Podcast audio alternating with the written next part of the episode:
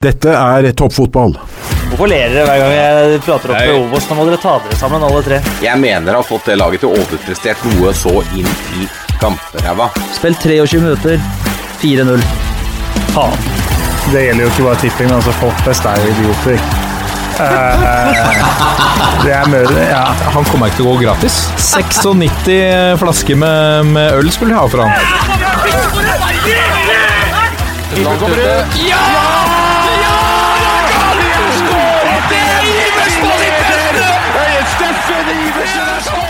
da, og nå er vi altså der. Det er den aller siste sendinga før vi ruller i gang med Eliteserien. Om en liten uke så er også Obos-ligaen i gang igjen. Så håper vi at folk tar til fornuften og åpner opp uh, ligaer i det vide og det brede. Jeg mener, når jeg fikk en e-post tidligere denne uka fra bedriftsidrettskretsen om at vi håper å starte seriespill i juni, da lovet jeg eh, min samboer at dersom det skjer, eh, at bedriftsidrettskretsen åpner for ligaspill for eldre menn på 45 pluss som spiller innebandy i en gymsal før breddefotballen og før tredjedivisjon, fjerdedivisjon nedover åpner.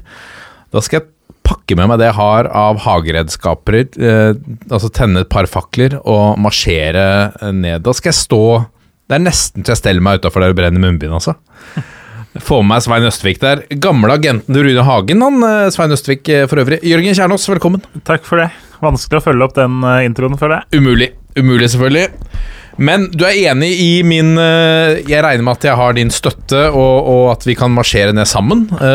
dersom bedriftsidrettskretsen altså starter med bedriftsfotball og bedriftsinnebandy før tredjevisjon. Men det vil, på dette tidspunktet så hadde det kanskje ikke vært så overraskende. Nei, Jeg skjønte ikke helt hvor hageredskapene skulle inn. Jeg tenkte skulle du begynne å spille innebandy med dem. Tenkte jeg var neste Nei, det er jo, men det, det er jo et bilde, ikke sant. Folk marsjerer i folk, Folket har hageredskaper, liksom. Så Ja, men de hytter med nevene, ikke sant. Med fakler og hageredskaper. hekkesaks og hyttede never. Eh, jeg kommer. Eh, men ja, helt enig i eh, poenget. Men nå ble det jo denne uka klart Eller det ble jo ikke klart, men det ble igjen ingen nyheter for annendivisjon. Som betyr at eh, de må, selv de som var inne i varmen i fjor, må jo vente en stund til. Og jeg var innom Oslo City og kjøpte meg litt eh, vann på veien. Og det var godt fullt på Oslo City, det må jeg si. Så jeg sliter jo fortsatt med å skjønne liksom at det sto en 100 meter kø utafor noen av butikkene, føles det ut som. Men eh, fotballen er fortsatt styggedom, så Nei, juni høres fint ut, men eh, jeg regner jo med at det kommer fra topp. Altså Annendivisjon og tredjedivisjon må jo åpne først, og så fjerde og femte. ikke sant? Og man eh, Man ser jo lyset i enden av tunnelen fortsatt, men eh, jeg tenker jo at det hadde vært veldig fint å få noe mer enn et lys langt borti tunnelen. Eh, man trenger liksom noe å forholde seg til. En dato for planlagt oppstart, og at lovnader blir holdt, og at ikke Abid Raja står og sier at han har masse medfølelse og skjønner veldig godt hvordan han føles og sånn. For det føler jeg jo han har bevist veldig godt at det han og kollegene hans gjør jo faktisk ikke det. Og han brenner jo faktisk ikke så mye for dette, og ikke, ikke at han er aleine. Men eh, det, blir litt tomme ord, og tomme ord er ikke det fotballen og andre i lignende situasjoner trenger nå. Det er det siste vi trenger. I dagens sending skal vi vie mesteparten av tiden til eh, toppfotballs offisielle tabelltips. Eh, vi har da tippet eh, hver og én eh, individuelt. Noe er vi enig i, men vi er også uenige i et par, et par ting. Men vi har uansett slått det sammen til ett offisielt tips, da, så vi skal gå gjennom lag for lag, plass for plass. Vi skal se på Det har kommet et par overganger som Altså par, tre-fire overganger som, som endrer litt ting for noen av lagene i Eliteserien. Eh, hvordan vil de se ut, eh, de eh, klubbene som har handlet, og de som har solgt? Hva skal de gjøre nå? Og så er det eh, den sympatiske gjengen bak Superligaen lanserer en ny teori om at antallet unge mennesker som ser fotball, er stadig i Synker stadig. Hva Er dette en døende sport, denne idretten? Eh, fotballen, altså. Slutter, når vi snakker 10-20 år fram i tid, har folk slutta å se to ganger 45. Det skal vi touche litt inn på, om vi er bekymra for norske fotballen. og så har vi noen lyttespørsmål mot eh, slutten. Nå kommer pulsen. Og da er vi kommet til pulsen, og vi begynner med de seneste rykende ferske overgangene som kan ha mye å si både for kjøpende og selgende klubb. Uh, la oss begynne med, med godeste Vangberg, da, som går fra, går fra Tromsø til uh, Stabekk, og du uh, hva skal vi si, Jørgen Kjernås, du var noe nøktern i din beskrivelse av overgangsmarkedet. Hvis Simen Vangberg var den heteste overgangen nå for tida, men nå er den altså i boks. Nå er det i boks. Stabæk har i hvert fall fått stopperen de har lett etter. Det henger også litt sammen med at ja, Amankwa spilte vel Jeg tror han gikk glipp av 12-13 kamper sist sesong, og både han og Mats Solheim er jo på tampen av karrieren, begge to. Så, men det er jo Simen Wangberg, selv om han er noen år yngre, så er det begrensa hvilke stoppere det er mulig å hente nå. Eh, litt sånn utypisk Stabæk, men det er klart de har vel følt at de har et lag som Framover i banen så er det ganske få centimeter totalt. da, At du har følt eh, Og det samme kan det fort bli på bekkene, litt avhengig av hvem du velger her.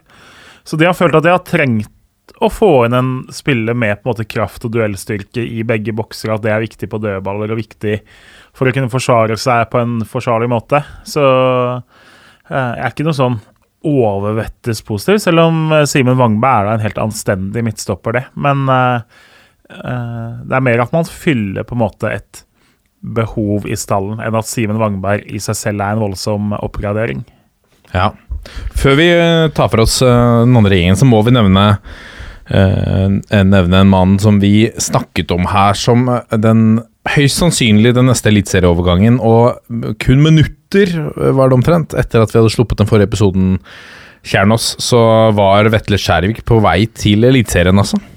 Er vi, er vi fotballeksperter? Er du fotballekspert, er det riktig å si. Nei, Jeg liker jo ikke den betegnelsen, men det er jo den holdt på å si, ja, I enkelte jobbsammenhenger så må man jo bruke den, for det er det mest dekkende. Men eh, det er klart Skjærvik er en eh, meget spennende spiller. Så tidligere i vinter så har jeg lurt og ment at Martin Høiland burde gått til Eliteserien. Han prøvde jo Tromsø å hente en liten uke etter at jeg anbefalte han, så jeg tenker det er noen i Tromsø som eh, tenker ganske likt, da.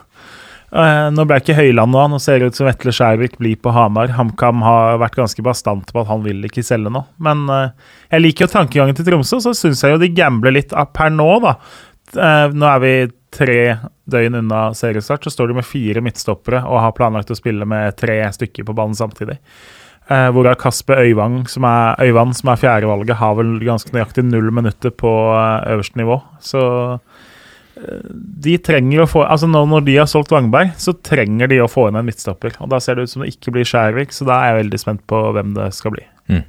Og en annen vi må, som vi har snakket mye om i denne podkasten, også fordi eh, sjefen hans eh, er med, eh, Lasse Nordås, ryktes nå til Bodø-Glimt ifølge både Avisa Nordland, som vel slapp den først. siterte selvfølgelig toppfotballs breddeleksikon. Jørgen Kjernås der. Um, hva tenker du om han da i, i Bodø-Glimt? Sånn som Bodø-Glimt er nå, så er det en veldig typisk Glimt-signering. Fordi nå har det jo Det blir jo tredje mannen de henter fra Obos i så fall, bare denne vinteren. Jeg syns jo Nordås er kjempespennende. Han har noe sånn altså, råmateriale i han. Skal jo Ole Martin og de andre i Strømmen ha berømmelse for å se. For det, på Lillestrøm så var man egentlig ganske Man brydde seg ikke så mye om at Lasse Nordås gikk til Strømmen, da. Eh, litt det samme som at man brydde seg ikke så veldig mye om at Elias Hagen havna i Grorud for et par år siden. Nå ser det ut som begge to da kan bli Bodø-Glimt-spillere denne sesongen isteden. Så noen på Åråsen må nok eh, tenke litt på på en måte hvilke valg og vurderinger som er gjort eh, tidligere der, da. Men Nordås, altså, han er jo Tidligere er er det junior-norgesmester han er i høydehopp. Og eller om det var juniorkretsmester han, han, hvert fall, han har en fysikk. Han er høy. Han er litt sånn Tore André Flosk i liksom kroppsholdning og litt sånn. Og så, så syns jeg altså han mangler litt på på en måte det relasjonelle. ikke sant? Altså være god og tilgjengelig i alle spillfasene når laget ditt har ballen.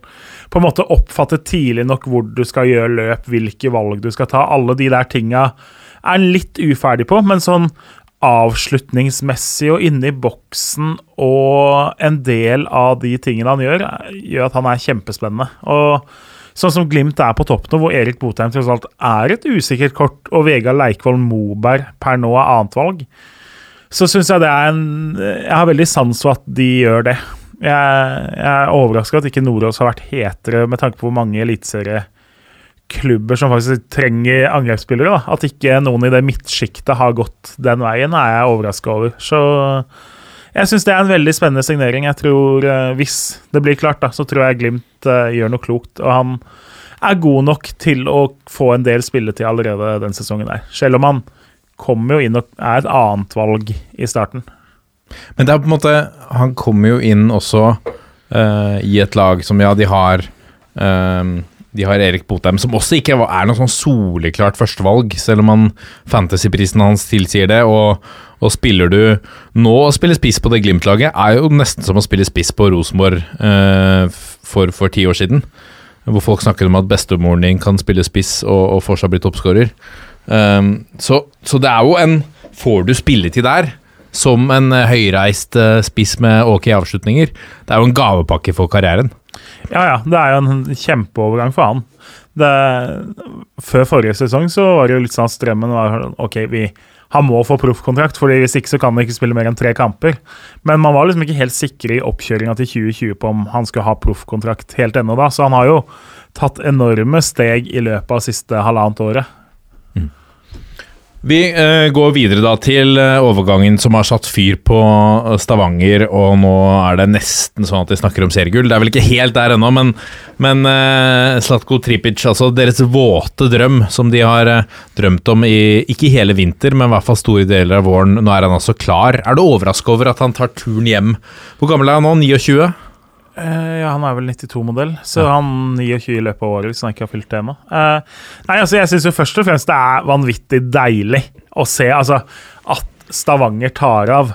Det er jo, Man tenker liksom på Stavanger og Viking som litt sånn, ikke sant, litt nedpå. Det er ikke der det tar liksom. helt Ikke dødt, men det er liksom ikke der det tar mest av oftest heller. Og så blir det jo så fyring som det er mulig å gjøre i disse restriksjonstider, når da Tripic endelig er klar. og Aftenbladet har vel knapt nok skrevet om andre ting i det siste. Eh, så det eh, Nei, det er deilig å se de scenene med liksom at supporterne tar imot, og det blusses, og det er fullt av pressefolk på Sola. Det er, det er kjempegøy å se. Og så snakka jo vi om akkurat det her med Viking for noen uker siden, eller en måneds tid siden. At uh, det de mangla på å være noe mer enn et OK pluss eliteserielag denne sesongen, er som kom til å ende på 5., 6., 7. plass. De trenger liksom én sånn X-faktor-spiller til, én stjernespiller til ved siden av Berisha. Og akkurat det har de jo fått hjem nå i Tripic, som jo var den store ledestjerna da de tok gull og overraska etter opprykket i 2019. Så har du ikke stemt helt for han i, Tyrkia, eh, og da Klart, han er 29. Han får en ganske lang kontrakt i Viking. Han har vært der før og veit at Ikke sant, han vet hva han går til. Eh, du går til et sted hvor du trivdes, du får en bra kontrakt. Du har liksom Det stemmer for han da, å ta det valget nå i karrieren. Uh, Alternativet hans hadde jo vært å på en måte begynne å lete etter en klubb i en eller annen liga utenfor Tyrkia, utenfor Norge, i løpet av sommeren. Men så da, sant, da veit du ikke hva du kommer til. Så da føltes jo det som et riktig og litt langsiktig valg for han. Og det er jo nydelig for Eliteserien at vi får tilbake sånne spillere. Vi trenger jo de spillerne som stikker seg litt ut, som er litt X-faktor-spillere både på banen og profiler for klubben uh, på utsida. Og så var han jo Han er jo god på banen, ikke sant? Det er jo det viktigste. Selv om det Ser du på statsene, så var det vel ni målpoeng han hadde i 2019, men han var så mye mer enn det. Som på en måte, ikke sant Han skaffer frispark, han holder på ballen så laget kommer seg opp og alt det der. Så blir det veldig spennende å se hvor de har tenkt å bruke han, eh, og hvordan han passer inn. Før så var det jo under Bjarne Berntsen var det jo litt sånn tut og kjør-fotball.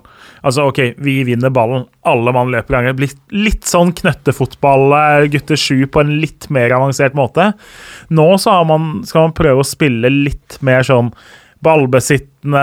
Man skal ta steg og utvikle seg på en måte være mye mer konstruktiv med ball og ta gode valg hele tida. Heller kunne bruke litt tid og trille rundt og tilbake og sånn.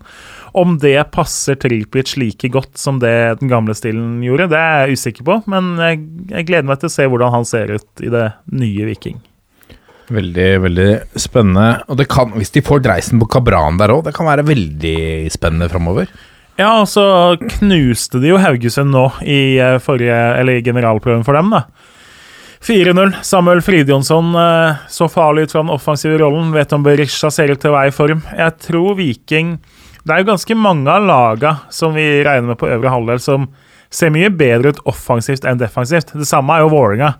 Eh, det er på en måte ikke den defensive soliditeten som gjør at man har troa på, eh, på, Viking eller på Warringa denne sesongen. her. Det er på en måte bekker som skal være med opp, og det er kantspillere som eh, kan skape ting på egen hånd. Så jeg, jeg, tror jo Jeg tror ikke det blir sånn som det er noen ligaer hvis du går litt nedover på kontinentet. og sånn så hvor det er på en måte to mål er en sensasjon, nesten. Jeg tror du får se en del målrike matcher i starten av sesongen med noen av de topplagene. Og det er fantastisk da, for, for markedsføringa av Eliteserien.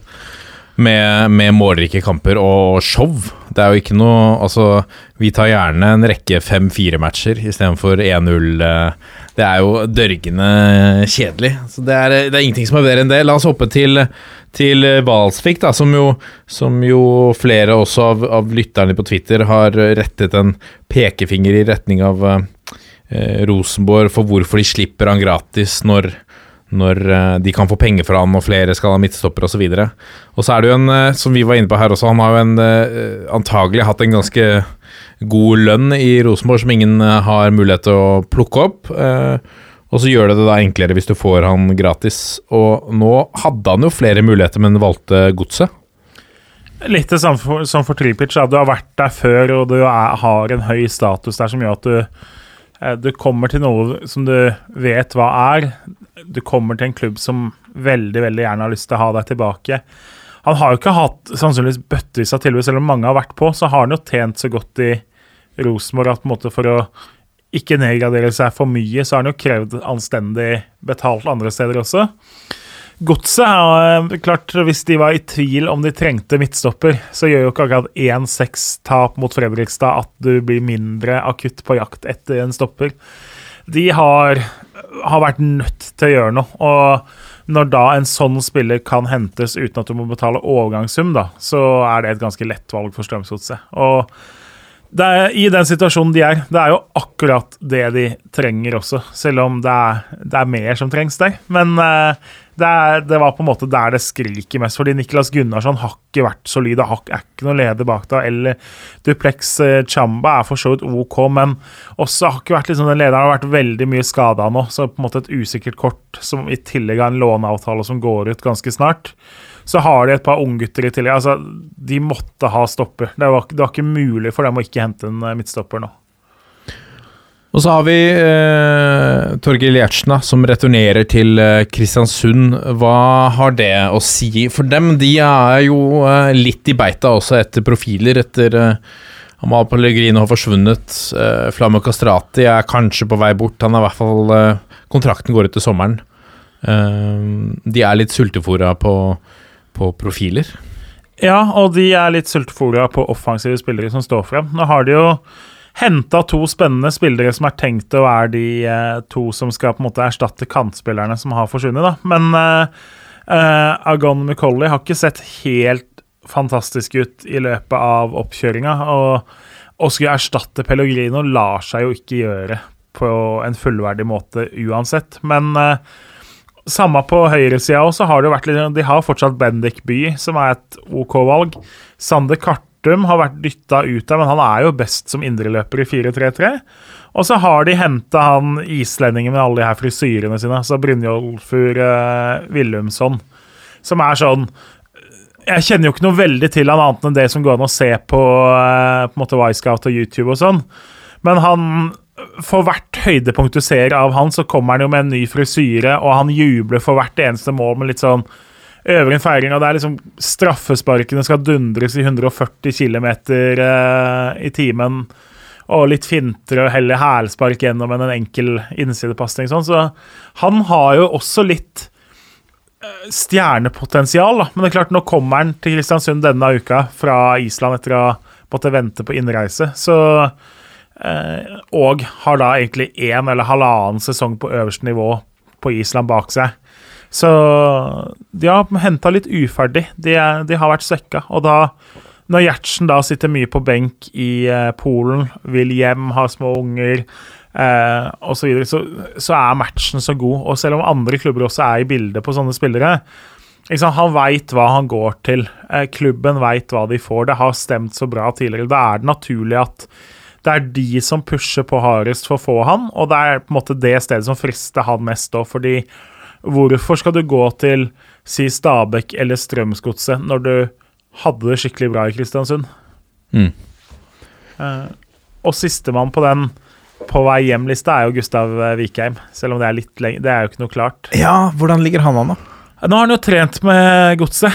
Uh, Har de penger til dette? Er det Blå Magi som er inne og, og backer? Blå magi, det tenker jeg er ikke det smurfene? Eller er det Gargamel som er liksom blå magi, eller hvordan er det? Gargamel er eh, Drammenspatriotene. Gargamel passer jo inn i mitt bilde av en godsesupporter. Nei, nei, vi får passe her. Eh, Håvard kommer vel snart på telefonen, regner jeg med.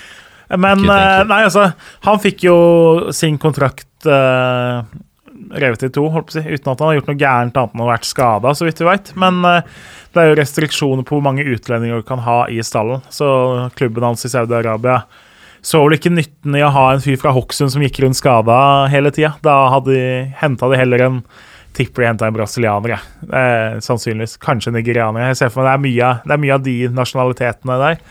Så Vikheim har på en måte gått uten klubb. Eh, er hjemme i Hokksund. Da trener de med Godset, og klart for Godset ville det vært en kjempeovergang. Og så sies det jo at både Stabæk og Vålerenga annet har vært på deg. Jeg tipper alle Østland Altså, klart Sandefjord har på en måte fått memoet, de òg, men altså, de blir jo sjanseløse i den kampen. Eh, Odd har på en måte fylt opp kantplassene sine. Eh, så det er jo naturlig å tenke en overgang til godset, men man veit jo hva Vikheim er god for. Det er ikke mange Du skal ikke veldig mange månedene eller årene tilbake i tid før det hadde vært en kjempeovergang for nesten alle klubbene i Eliteserien. Så med tanke på hvordan Vålerenga-stallen ser ut bak de elleve som er påtenkt å starte, så er det helt naturlig at de også er med i den kampen. Og da er jeg langt fra sikker på at Godset vinner den, selv om han har hatt det bra i Drammen tidligere. Spennende. Jeg så Dag Eller Fagermo var litt sånn kryptisk i, eh, nettmøtet med, med Erling Rostvåg her om dagen, at han ventet på noen beslutninger fra utlandet eller et eller annet. Jeg vet ikke hva det, om det var noe andre greier, men, eh, men du tenker at han kan uh, At det er plass til han? altså De har fortsatt plass til ennå en, en profil inn på, på kanten i Vålerenga? Ja, ja, ja. Altså, altså se bak de elleve som er påtenkt å starte for Vålerenga. da. Uh, det er klart Du har på en måte Tobias Christensen som litt nummer tolv i stallen. kan gå Som har vært veldig bra i Som har vært kjempebra, som fort kan ta Sarao i sin plass, i hvert fall i starten. Jeg tror det er de to det er jevnest mellom. Men ikke sant, bak de tolv, da Nummer 13 og 14 i Vålerenga-stallen, ikke da er det på Zakarias Oppsal og Henrik Udal, som er var gode i Obos i fjor, men sant, altså Molde nå, eller Rosenborg, eller Bodø-Glimt? Skal du kjempe med de, da, så kan på en måte ikke Selv om jeg har veldig sans for Zakarias Oppsal, så er det liksom at han skal være nummer to på lista blant innbytterne, det er på en måte ikke et gullag verdig. Og så sitter de med broren hans Oskar som på en måte andrevalg på venstrebekk. Du sitter med Amin Nori som er litt avskilta på høyrebekk, og så har du to ungdommer som har til sammen tre minutter i Eliteserien som tredje- og fjerdevalg på stoppeplass. Altså, Vålerenga-stallen er for tynn til å være et ordentlig gullag, selv om elveren er kanonbra. Så når Gustav, Valst, nei, Gustav Vikheim sitter i Hokksund uten kontrakt, så hadde det vært en helt perfekt overgang for dem, som ikke får gå inn og ta Lajoni eller Dønnum sin plass, men Lajoni og Dønnum kan jo ikke spille 90 minutter hver fjerde dag, de heller. Så jeg ser veldig meninga i det, og da har du, hvis Dønnum forsvinner i juni eller juli, så har du en som kan gå inn mens du leter etter erstattere. Da er det ikke så akutt å la han gå til en annen liga, som jeg føler meg helt sikker på at han kommer til å gjøre til sommeren. Fordi eh, altså, Hyllestene har vært nesten sånn unisone av Vålerenga, det de holder på med nå, at, eh, at det ser så bra ut. Så mener du at man ser seg litt blind på det at eh, den elveren er så bra, når vi, når vi vet at du trenger en stall, spesielt i, covid, covid-tider, så må du ha mer enn elleve mann på banen. Har vi, har vi glemt at, at stallen er litt tynn? Jeg tror, altså Man ser jo på elveren, og på en måte, det er det på en måte de det er jo de som skal utgjøres. Men ikke sant? Hva gjør de hvis en av spillerne blir skada nå i de to fremste leddene? Ok, da, da er Tobias Christensen inne, liksom. Da er det gitt. Men hva hvis to mann blir skada? Ja, da er det som sagt Udal eller Zakarias Oppsal som er inne. Og det går en kamp eller to, det er fint nok å ha på benken, men ikke sant? Molde kan bytte ut uh, Eirik Ulland Andersen med Ola Brynildsen. Og så hvis uh, Ohi ikke skal spille 90, som han ikke gjør så mye, så dytter du innpå Fofana, eller du har Bjørn Bergman Sigurdarsson. Uh, hvis du ikke skal ha Birk Risa på venstrebekk, så har du Kristoffer Haugen. Ikke sant? Altså, og Det er så- dobbel dekning omtrent det er dobbel dekning overalt, og så har jo de litt skader og bekymringer nå i starten, da. Men en Molde-stall hvor de fleste er friske, da har du en benk som Altså Bortsett fra Linde og Eikrem og Stian Gregersen, så kan du egentlig bytte de åtte andre i, Vik- nei, i Molde-stallen med åtte mann på benken, og laget blir nesten ikke svakere i det hele tatt. Du har på en måte to jevne åttere ved siden av de tre stjernespillerne, og det, det har jo ikke Vålerenga. Det er en, en, en brannfakkel, en tankevekker, for alle de som har latt seg Men, det er jo, rive men jeg synes jo det er, altså det er jo gøy og riktig. Altså, det er jo mye kulere og mye mer spennende at Vålerenga henter Laioni enn å hente to OK venstrevinger som kan spille 60 og 30 minutter. Som Det er litt sånn de har gjort før. ja, eh, men, jeg, men jeg tror jo Jeg blir overraska hvis Vålerenga nå nå som de ser ut som altså Felix Horn Myhre går til Brann. Jeg blir overraska hvis den Vålerenga-stallen ikke inneholder minst ett, kanskje to navn til før vinduet stenger. Ja. Men apropos Molde, fra Bresdal til enda bredere for Magnus Grøde, men tidligere Vålerenga-spiller har, har gått dit. Er du overraska over den overgangen, rett fra Sandnes Ulf? Uh, ja, litt overraska, fordi uh, altså, at Grødem er god, at han hadde en kjempesesong i Obos i fjor, det har på en måte Det er åpenbart. Uh, og det er en spiller jeg har veldig sansen for.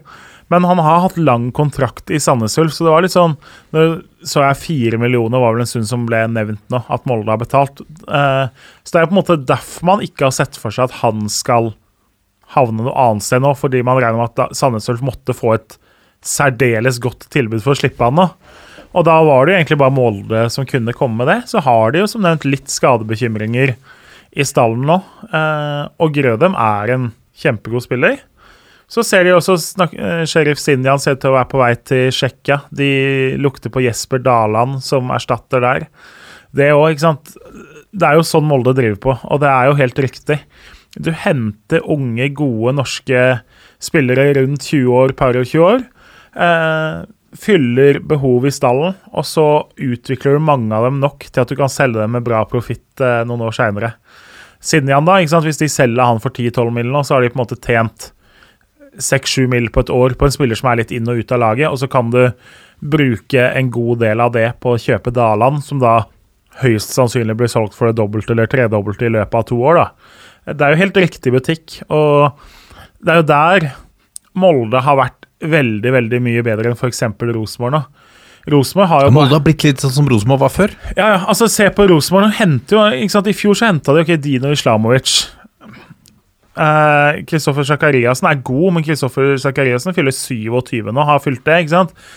Får de igjen penga du har betalt for han? Nei, du får en god indreløper i tre, fire, fem sesonger, sannsynligvis, men det er jo ikke noe butikk bak det. Og så nå henter de jo har bare henta folk som er 4-5-26 år i vinter også. Disse to svenske bekkene er vel begge 96-modeller, hvis jeg ikke husker vel. Eh, Vecchia er vel eh, ett år eldre, mener jeg. Så? De er på 25-26, alle mann de henter. Og det, det er gode spillere. Og så har i tillegg da Henriksen hjem, eh, Eyolfsson hjem, Siljan hjem. Og Eh, ryktes tett hjem, 35. ja, eh, spørs om det er Vebjørn Hoff. Akkurat samme casen. De henter jo spillere som skal inn og prestere nå, men som det er veldig vanskelig å se at de skal bli kvitt. Eh, og få igjen på en måte Få igjen det dobbelte eller trippelte. Du får jo ikke det for Vebjørn Hoff. Eh, selv om han er en nyttig eliteseriespiller, så er det jo en helt annet å hente en Grødem eller Daland som du kan selge igjen. Og så havner jo Rosenborg også i det problemet at når du henter en sånn spiller, sånn som Gustav Walsvik, og så slår han ikke til som du vil, så er det nesten umulig å bli kvitt han fordi de får god lønn, og du må egentlig betale dem ut av kontrakta istedenfor at du får igjen penger for dem. Så eh, jeg har mye mer sansen for den økonomiske tankegangen til Molde der. Selv om det er unntak der, og sånn som Bjørn Bergman Sigurdarsson og sånn. Eh, ingenting er helt svart-hvitt, og Rosenborg har jo nå annet da Emil Seid, som ser veldig spennende ut. Men eh, i det store og det hele, altså Molde kan selge ganske mange i den stallen i løpet av sommeren hvis de vil. Altså Aursnes, Gregersen og, osv. Mens Rosenborg, hvem er det de kan selge og få veldig mye for til sommeren? Det er ikke så altfor mange i den stallen, altså. Men bygger, det er nesten sånn altså, Åge Hareide har snakket litt om, og han eh, var tilløp til litt irritasjon når Eurosport eh, lurte på når kontraktene skal reforhandles osv. osv. Det virker nesten som han tenker veldig kortsiktig. Altså han vet at her skal jeg ikke være så veldig mange år, så, men når jeg er der Og du kan sikkert, altså, du kan sikkert vinne seriegull med, med Silla Skjelbred Henriksen og Tetti på midten. Eh, kanskje ikke samtidig, men, men, eh, men du vinner jo ikke det gullet med de samme spillerne tre år på rad. Nei, det er jo nettopp det, og det er klart det er jo ikke Hareide sin jobb, det er jo Michael Dorsin, som er sportssjef, som har ansvaret for det her. han, tror du ikke han er inne Jo, så klart det er et samspill, men det er jo på en måte Dorsin som har siste ordet, som må ta de beslutningene der som er best for Rosenborg over et lengre perspektiv. Jeg skjønner jo at det er vanskelig altså Du sier jo ikke nei til Henriksen og Silja når de skal hjem, og det er litt opp, men hvorfor du da henter Vebjørn Hoff og ikke går på en måte og finner en fyr som er tre-fire år yngre, da, eller Altså, det er der du på en måte sliter med den økonomiske modellen bak det. Eh, Så, så nei, den, den Rosenborg-stallen eh, Den er veldig solid med tanke på 2021, men sånn en bedriftsøkonom hadde nok hatt noe, noen ting å utsette på kjøp- og salgmodellen de driver på, på brakka. ja. Og så ser man jo, ikke sant altså Hva tror du Nisaren Eggen sier om denne, denne måten å gjøre ting på? Nei, Sannsynligvis hadde han uh, hatt så mange digresjoner at han hadde brukt tre timer på å svare på hva han uh, hadde å si om akkurat det. Men uh, selv om han jo stort sett alltid mente at spillere gikk for tidlig ut, så var jo han også på en måte inneforstått innerst inne med at Rosenborg måtte gjøre det på den måten. Og så hadde man på en måte Ok, nå selger vi en toppspiss, ja, men da henter vi Sigurd Rushfeldt. og vi Rushfeldt, da kjøper vi Karev, og så selger vi han med 15 mill. fortjeneste liksom året etter. Altså, de gjorde jo det her gjennom hele den perioden hans. Det var jo sånn de bygde seg opp. Det var Champions Du League-millioner. betalte fortsatt mye, så, men forskjellen var at du kjøpte spillere som du kunne selge videre seinere, da, stort sett. Ja. Um, vi må gå videre til eh, et eh, ja, Det var vel en artikkel i, i VG i går som omtalte en eh, ny rapport som uh, sier er, altså, er nok til å vekke en viss bekymring for hvor, eh, hvor fotballen skal. Fordi seertallene fra TV 2, Eurosport og Nent viser at fotballkamper fenger de eldste i størst grad, og at eh, de yngre under 29 år er ikke like interessert. Eh, det som jo artikkelen ikke sier noen ting om, er hvordan disse tallene har vært historisk. Så, så vi vet ikke om dette er en normal, altså en normal omstendighet, om, om tallene ser, ser sånn ut. Eh, det er, det, er en, det er en vanlig eh, Det er et vanlig utgangspunkt, men ehm, jeg snakket også med, med vår egen Heather Locklear i går, hvor uh, han på sitt vante vis, uh, på et tidspunkt da vi, vi hadde en spasertur, så snur han seg til meg og så sier han eh, Hvor tror du fotballen er om 20 år? Tror du at den er eh, større enn i dag? Jeg tror ikke det. Jeg tror ikke det. Og han var eh, oppriktig litt sånn bekymra for at neste generasjon, kanskje våre barn eller eh, deres barn igjen, gidder ikke bruke tida på å se to ganger 45. Og det er også en del av bekymringen da, til disse superliga eh, onklene, skal vi kalle de det, ehm, hvor de mener at fotballen bør må endres for å tiltale de unge. Jørgen Kjernås, er du, er du engstelig på fotballens vegne? Nei. Nei. Da går vi videre. Kanskje, kanskje, nei, altså, de bekymringene her vil jo alltid komme. Men uh, altså, fotball er verdens største sport. Og klart det er faresignaler der, og at ting er på betalt, og at det koster 800 spenn i måneden hvis du skal se Premier League i HD, eller hva det koster, og så skal du betale et par hundre til for å ha Champions League, og så skal du ha, ikke sant? Og så blir Eliteserien Jeg er jo mest bekymra for at Eliteserien for mange er nummer tre i rekka, som jo i mitt hue er helt feil. Men altså, fotball som merkevare og alt det, det er, Jeg er ikke liksom så bekymra. Altså, jeg tror det er de, de klubba her som de storklubba vil jo alltid være bekymra. Mye vil ha mer. Sånn har det vært nå i 25 år og 30 år. At uh, man ser hele tida mulighet for ekspansjon og på en måte nye markeder og nye eh, tiltak som kan gjøre at man tjener enda mer til de største klubbene. Men at, altså, fotballen kommer jo ikke til å dø som globalt fenomen på ganske overskuelig framtid. Eh, men igjen, det er altså ung, dagens unge Man er, man er bekymra, liksom. Men eh, hvor mye fotball satt man og så selv Altså, jeg, jeg så relativt er mye før deg, men uh, eksempel. Du er ikke mann i gata, deg, Jørgen. jeg klarer ikke å sette meg inn, men altså eh, Selv for min del, så, jeg, så hvor relativt mye av livet sentrerer rundt at 22 mann sparker en uh, kule, så er det jo andre prioriteringer i livet òg. Men uh, sånn, Men jeg- sånn vil det jo alltid være. Også, men ikke sant, altså folk har sin favorittklubb og alt sånt, men nei, jeg, jeg klarer liksom ikke helt å se den store bekymringa. Men jeg har ikke jeg har ikke gravd dypt inn i liksom materien heller. Men jeg kjøper jo i hvert fall ikke den der eh, Det er mye med det her Superliga-sitatene som er sånne der komiske Ali-varianter òg, altså. Men eh, når du sier det, når jeg husker tilbake på da Altså Eliteserien, eller Tippeligaens forrige storhetstid, da, som jeg, som jeg ser på det Det var da mine kamerater og vi møttes på søndager. Eh, taco på bordet, og vi så på Fotballekstra for å få med oss alle matchene live. Eh, men Og så så vi typ Kveldskampen som gikk liksom klokka åtte eller ni eller et eller annet. Vi så ikke så mange fulle matcher Uh, på, på den tida. Jeg så kanskje United, jeg så ikke United hver uke. Um, og så ikke ja, Du så Ørn Horten, da, stort sett, når, når de spilte hjemme, i hvert fall. Ja, men tenker? Altså, ting har jo endra seg for, altså, for min del. Jeg har jo jeg føler meg jo privilegert. Jeg kan jo se alle Hønefoss-matchene på Direktesport, og så kan jeg se alle Wimbledon-matchene på iFollow.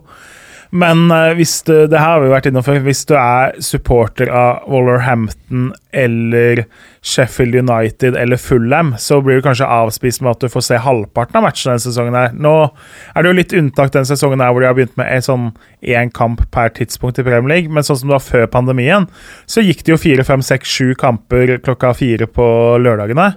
Og da var det veldig mange av de som du ikke fikk lov til å se. Så jeg kunne se, sitte og se Wimbledon spille nivå 3-match, men hvis du skulle se altså Tottenham-Everton kunne hende ikke ble sendt samtidig, for den kolliderte med Manchester United Southampton.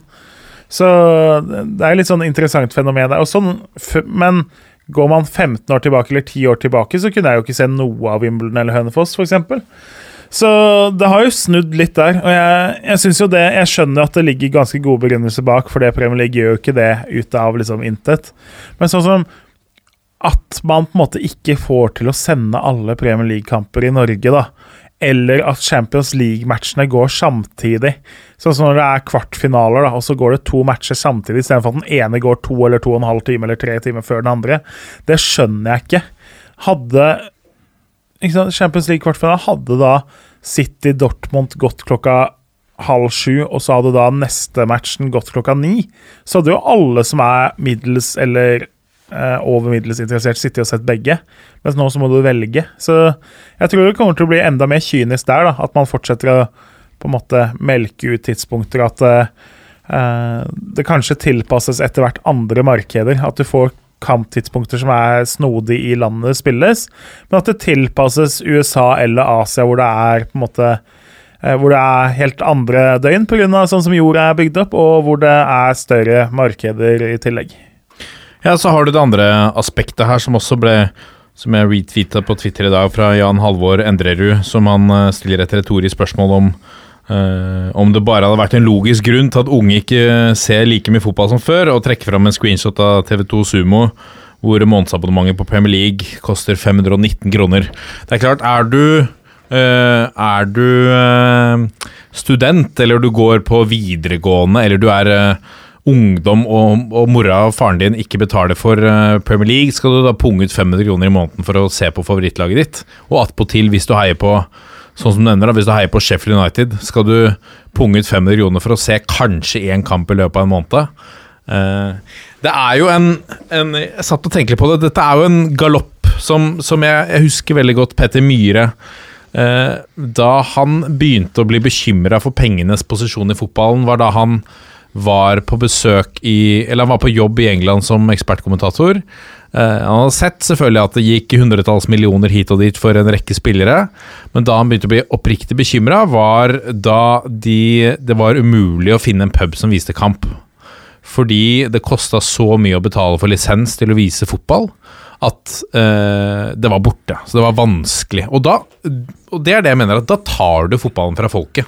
Ja, ja, det husker jeg jo selv. eh, Jeg var på guttetur i England for Herregud, tida flyr. Det blir- begynner jo å bli ni-ti år siden. Så skulle vi på eh, Vi skulle se QPR spille halv sju-match en eller annen grunn. Eh, og da var det noe kamp som var tidligkamp, sånn kvart på ett, eller hva det blir engelsk, tid, eller halv ett. Prøvde å finne et sted å se den matchen, det var jo ikke mulig. Til slutt så fant vi en sånn svær sånn eh, biljardhall og bowlinghall. Altså, det var liksom Der viste de liksom inni kafeen Der hadde de tydeligvis satsa på at det er på en måte, så liksom Vi satt på da bowlingkafeen i eh, en av de her bydelene, og der, der så vi match, da. Etter å ha vært innom 25 puber som bare rista på huet. Det drepes, da. Da drepes eh, kulturen eh, sakte, men sikkert. Så det er jeg, det er jeg litt bekymra for, må jeg innrømme. Eh, og så får vi håpe her da at NFF og norsk toppfotball, som, eller fotballmedia er det kanskje, som, som selger rettighetene til Eliteserien, at man tenker da med, med huet og ikke bare med lommeboka når man selger disse rettighetene. Fordi vi er nødt til å være strenge med altså TV 2 når de har kjøpt rettighetene nå. Vi er nødt til å være strenge med de og si at dette er fotball til folket. Selv om dette var Eurosports slagord, så eh, vi, vi kan ikke la det samme skje her som som eh, vel skjedde med, med ishockeyen eller noe sånt nå, eh, tilbake på, på tidlig 2000-tall eller 90-tall, da, da TV-rettighetene forsvant. Um, er du eh, Tror du at vi kommer til å se priser som, som 500 kroner i måneden for å få se Eliteserien på TV2? Nei, så stor betalingsvilje er det ikke for Eliteserien, så det ikke til å Det kan jeg aldri tenke meg at det kommer til å bli. Men jeg tenker når det selges rettigheter, det viktigste er jo å få til en avtale som gir mest mulig penger på bankkontoen til Rune Hauge, er det ikke det? det sånn har det jo vært nå i snart 20 år. Eh, Så det er det viktigste prinsippet. Og så tenker jeg nummer to er at flest mulig blir interessert og får sett kampene. Dette er toppfotball. Og da har vi kommet til Toppfotballs offisielle tabelltips, hvor vi går gjennom eh, lag for lag, plass for plass. Skal vi begynne i bunnen, Jørgen? Uh, Ja. Er uh, Der ligger det et lag fra, fra Vestfold og Telemark uh, som du liker å kalle for Snaddefjord. Altså er vi i ferd med å gjøre samme fe- feilen igjen i år? Vi tippet i nord og ned også i fjor, men det er ting nå som ikke har blitt bedre, så vi er fortsatt Altså samtlige av oss tippet i, i bunn. Altså Først så må vi jo si at det Sandefjord og Sifuentes gjorde i 2020, det var en kjempeprestasjon. Uh, og han fikk ekstremt mye ut av det mannskapet, og viste jo veldig godt at en god trener kan faktisk bety ganske mange poengs og forskjell og mange plasseringer på en tabell. For den Sandefjordstallen er jo en nedrykksstall. Altså Hvis man går gjennom OK da at Mark Valais er en helt OK stopper, at Storevik sto fram og faktisk så ut som et trygt førstevalg i fjor, at Sivert Gussiås eh, skårte sju mål sist sesong, at Harmed Singh hadde glimt av noe han var tidligere, at Amer og Rudagic er bra med ball, men ikke sant, altså de kommer til kort mot alle andre lag hvis du begynner å veie fordeler og ulemper og svakheter og sånn mot hverandre. Så på papiret så er Sandefjord det desidert svakeste laget.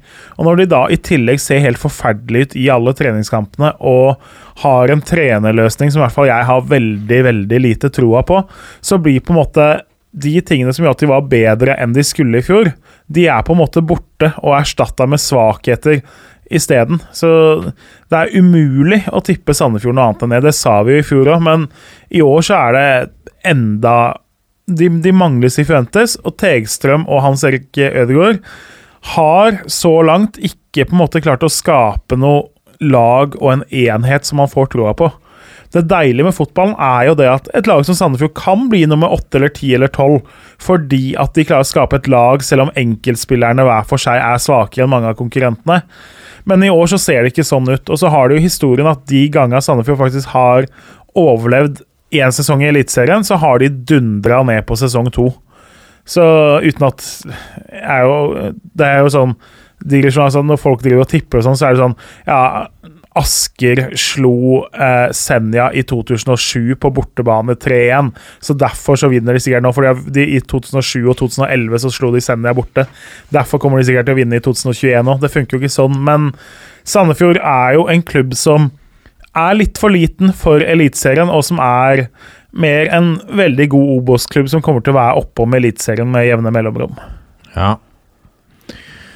Er det årets eh, Altså blir de årets trenere hvis de holder plassen?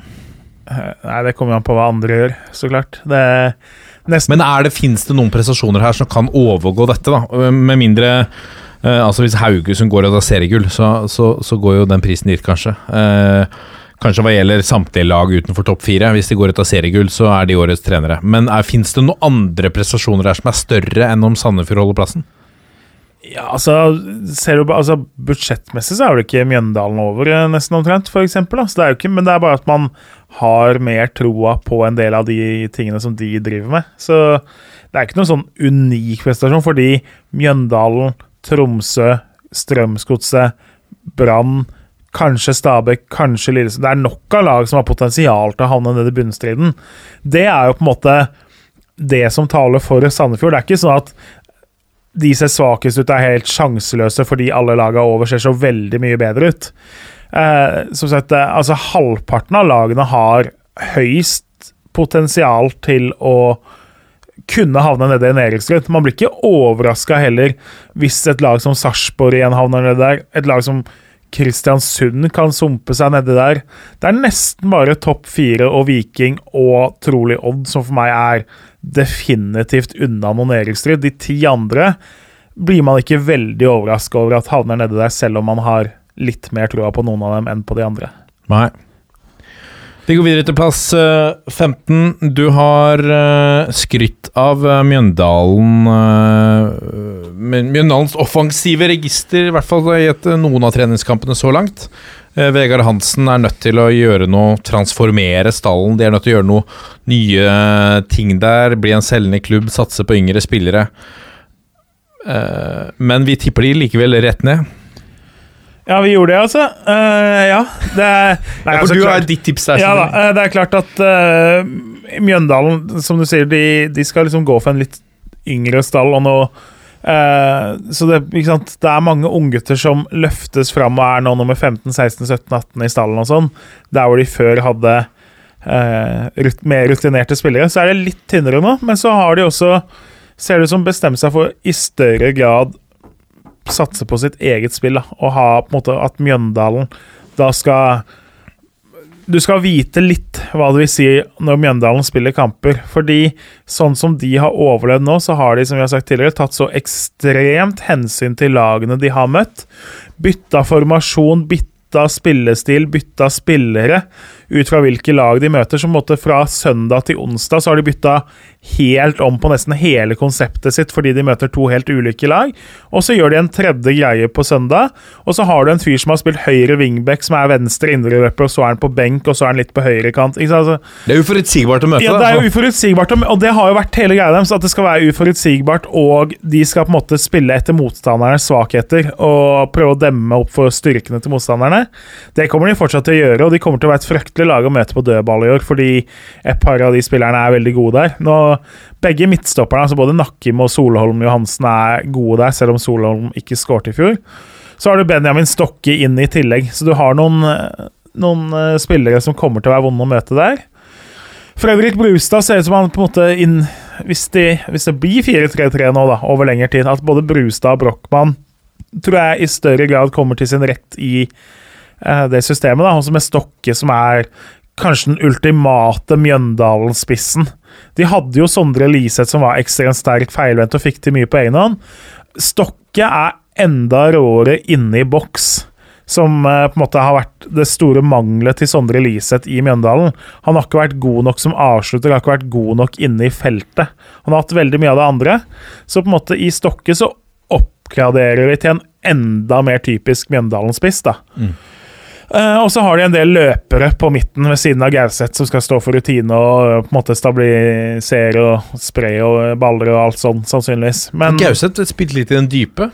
ja, han gjorde i hvert fall den ene matchen og det Det er jo kanskje naturlig hvis det blir en 4-3-3, så er det mer naturlig at Gauseth spiller dypt enn at han spiller indreløper, for det har han ikke helt frekvensen til. Så øh, man skjønner jo på en måte logikken bak det òg. Og så har du jo en av Eliteseriens beste keepere, og en av de mer eksentriske. Eh, vi blir jo aldri lei av det her med at han ble utestengt fra fotball fordi han brukte svampebob-lignende gule bukser i Iran. Det er jo helt nylig. Og så sto han jo med dette Gucci-hårbåndet sitt, eller pannebåndet, eller hva du skal kalle det, i en match i fjor. Han er jo litt Han er jo typete, men han er jo også fantastisk god. Så uten Makani i samme form, så rykker jo Mjøndalen sannsynligvis ned, eller får det veldig, veldig mye tøffere. De trenger at han igjen er en av Eliteseriens tre beste keepere, sånn som han var sist sesong. Og så på øh, Hvis vi går videre, da. Noen, øh, noen kilometer øh, borti, borti veien, om vi kan si det. Der var vi. Det er vel en av de få plassene vi var helt samstemte om. På kvalikplassen 14.-plass, Strømsgodset. Uh, så vi tror altså at uh, at uh, med Valsvik inn Dette er jo selvfølgelig før en eventuell Vikheim-overgang skulle komme, men, men, det er i hvert fall nok til en, til en kvalifisering. Ja, jeg tror jo de får det tøft, fordi altså det, det, gir så mening å tippe godset ned. Det har vært det her sinnssvake kaoset med Henrik Pedersen og alle ringvirkningene med at styreleder, sportslig leder, daglig leder nå går fra klubben. Det er fullstendig kaos. BP og Håkon Wibelund skal da komme inn og være delte trenere, da. Eh, kanskje et døgn til, kanskje en uke, kanskje en måned, kanskje et år. Ingen vet hvor lenge de skal være trenere. Det har jo ikke funka. Altså, BP første gang han kom inn, så hadde man en effekt. Andre perioden hans og sånn, det var jo ikke akkurat det helt store. og Verken han eller Håkon Wibelund er Altså, de er veldig trivelige. Det er jo sannsynligvis en ekstremt mye mer jovial stemning eh, på trenerkontoret og på en måte mellom spillerne og trenerne enn det det tydeligvis har vært med Henrik Pedersen. Men om de er gode nok trenere og på en måte tøffe nok om de er det godset trenger nå? Nei, det klarer jeg ikke å se. Jeg tror, jeg tror ikke det er løsninga. Da kommer det til å ende opp sånn at ute i juni eller juli så bestemmer de seg for å hente inn en eller annen som kommer inn halvveis og skal prøve å snu skuta. De har truffet før. De traff jo tross alt da Henrik Pedersen kom inn. Han fikk jo berga et lag som var på full fart ned for to år siden. Men uh, å treffe sånn igjen, det skal enda mer til midt i sesong. Så taper de da 1-6 for Fredrikstad. De mister Lars Jørgen Salvesen til skade hele sesongen. Eh, Maigård er ute nå, det går litt rykter om på en måte at eh, eksempel, Han ble jo litt sånn Henrik Pedersens mann, og man, kanskje at han nå kan være på vei ut nå som Henrik Pedersen er borte. Eh, Johan Hove hadde et gjennombrudd i fjor. Hvis han fortsetter, så kommer han jo sannsynligvis til å bli solgt i løpet av eh, og hvis han holder seg skadefri? Uh, og hvis han holder seg skadefri. ikke sant? Så det er som altså, Chamba og Ipalibo har utgående lånekontrakter. Vel, uh, eller Mendy. Men Fred Friday, da, Jørgen Kjernås? ja, Fred Friday er tilbake. Jeg klarer ikke å se at det skal bli det helt store fortsatt, altså. Det er, det, er, det er, to år siden han spilte en tellende fotballkamp. Jeg mener det var mars 2019. Da spilte han en kamp for AZ Alkmaars reservelag. Og det er forrige gang han spilte en kamp hvor det var poeng på spill.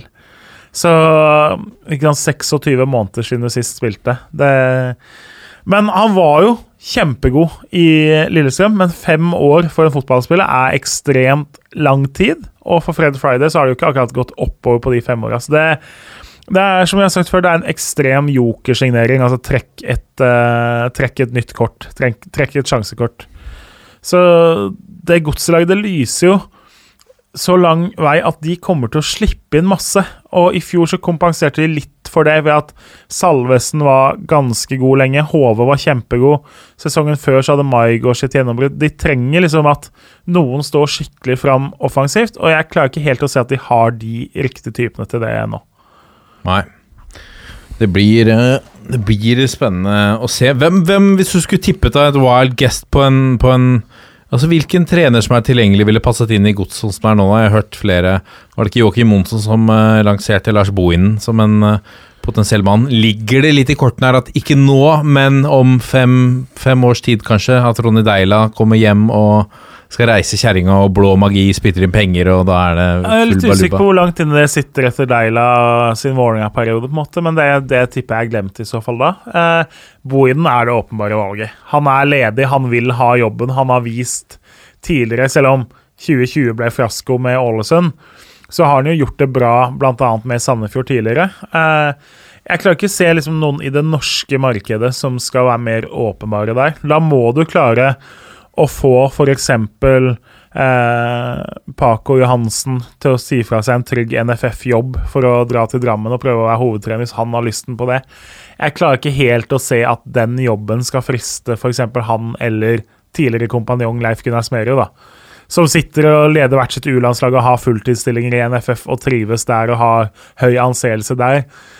Når du på en måte har takka nei til forespørsler fra ganske mange klubber tidligere, ikke jobbe med liksom forespørsler tidlig i prosesser, så klarer jeg ikke å se at det skal være godsjobben som skal pirre noen på det nivået nå.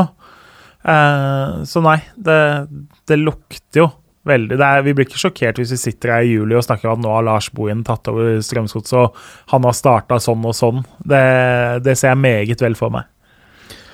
Eller kanskje tidligere. Kan hende vi ikke trenger å gå ut av mai, for den saks skyld. Ja, tror du de saumfarer markedet akkurat nå? Tror du det eskalerte etter 1-6 mot FFK? Jeg, jeg tror det er såpass kaos i godset, eller det har vært såpass kaos at jeg har hatt nok med å liksom få hodet over vann og få på plass det du må ha på plass. Og så er jeg helt sikker på at når de styreledere i jobb, de har fungerende eh, en fungerende klubb, da, hvor folk ikke sitter på oppsigelse eller allerede har gått, så jeg er helt sikker på at en hovedtrener står ganske kjapt på agendaen ved siden av sportssjef. og det det er jo også et annet åpent spørsmål der. Det kan jo hende de ser for seg en pakke også. At på en måte du finner en sportssjef som du har lyst på, som da har en trener som han har lyst på. Det kan Mm. også komme den veien. Og da tenker jo jeg først og fremst at det må komme fra et, en av våre skandinaviske naboer. Og da har jeg ikke god nok oversikt til å si hvem det skulle vært. Nei. Vi går videre en plass opp til plass nummer 13, og der har Her var vi litt uenige, men der har vi landet på Tromsø. Um, du tippet, så vidt jeg husker, Jørgen Kjernås, Tromsø litt høyere opp. Ja, jeg hadde vel på tolvte, men Tromsø er litt sånn De har noe ved seg som gjør at de kan bli en overraskelse i år òg. Det er jo veldig lett å på en måte Man er litt redd for å ta i for mye med opprykkslaget nå, men så viser jo de siste årene at det er jo ofte at det kommer opp lag som gjør det veldig bra. Viking gikk jo rett opp på øvre halvdel, Kristiansund gikk opp på rett, eh, rett på øvre halvdel, osv. Eh, Tromsø derimot er jo litt Eh, det jeg er mest bekymra for, er jo at stallen der òg er kjempetynn. Som vi nevnte i stad, de har fire midtstoppere til tre plasser, hvor han ene er helt uprøvd på øverste nivåene. De har ikke lykkes i å finne en keeperutfordrer til Jakob Karlstrøm ennå. De har eh, et angrep hvor eh, Runar Espejord i første omgang er på lån ut juni, er det vel, eller juli. Det kommer sannsynligvis til å løse seg, men han har jo en kropp som gjør at han, han har vært han har veldig med skadeplager. Altså, han spiller 15-18-20 matcher per sesong. Han spiller ikke 30 kamper. Han takler ikke å spille søndag, onsdag, søndag. Uh, og det er, det er veldig dårlig nytt for Tromsø. Og samme hvis du får én skada på midten, sånn som nå er Kent Are Antonsen skada. Da drar du ned Kitolano fra den hengende spissrollen, og så setter du inn noen andre der, og så får du en enda tynnere benk. Mm. Jeg syns jo de som enhet og som lag så har de sett solide ut. De var solide da de rykka opp i fjor. De har sett solide ut i vinter også. De slo Vålerenga i generalprøven 4-3 i en sånn fyrverkerikamp. Spilte 1-1 mot Bodø-Glimt, tapte 0-1 for Rosenborg. De har fått matcha seg mot, de, mot tre av de fire beste lagene og kommer veldig godt ut av det. Og selv om man, det er skummelt å legge for mye i treningskamper, da. Tromsø Godset kommer til å lekke. Godset kommer til å tape når først Molde har dagen og Godset ikke har dagen, så kommer det til å bli 5-2-6-2. Bodø-Glimt kan skåre 100 mål på eh, Godset. Altså, Tromsø er ikke der at jeg klarer å se for meg de falle sammen sånn så ofte, fordi det er for mye rutine, og de er for godt drilla til å være helt der. Og det gjør at jeg tror de berger seg, i hvert fall. Men som sagt, de er veldig skadeutsatt, eh, og man ser på en måte noen av skadene komme litt der. Så, så er det ikke noe hemmelighet. De leter veldig etter spillere. Eh, Skjærvik har vi snakka om. De har uh, titta på andre. Jeg, tror de kjenner veldig på presset, og jeg er veldig spent selv på hvordan den Tromsø-stallen ser ut ved sesongstart. Om det er 0, 1, 2 eller kanskje tre spillere som kommer inn i den stallen. stallen. Jeg tror de altså, stopper. De skal ha reservekeeper. De skal sannsynligvis ha ett alternativ til på midt.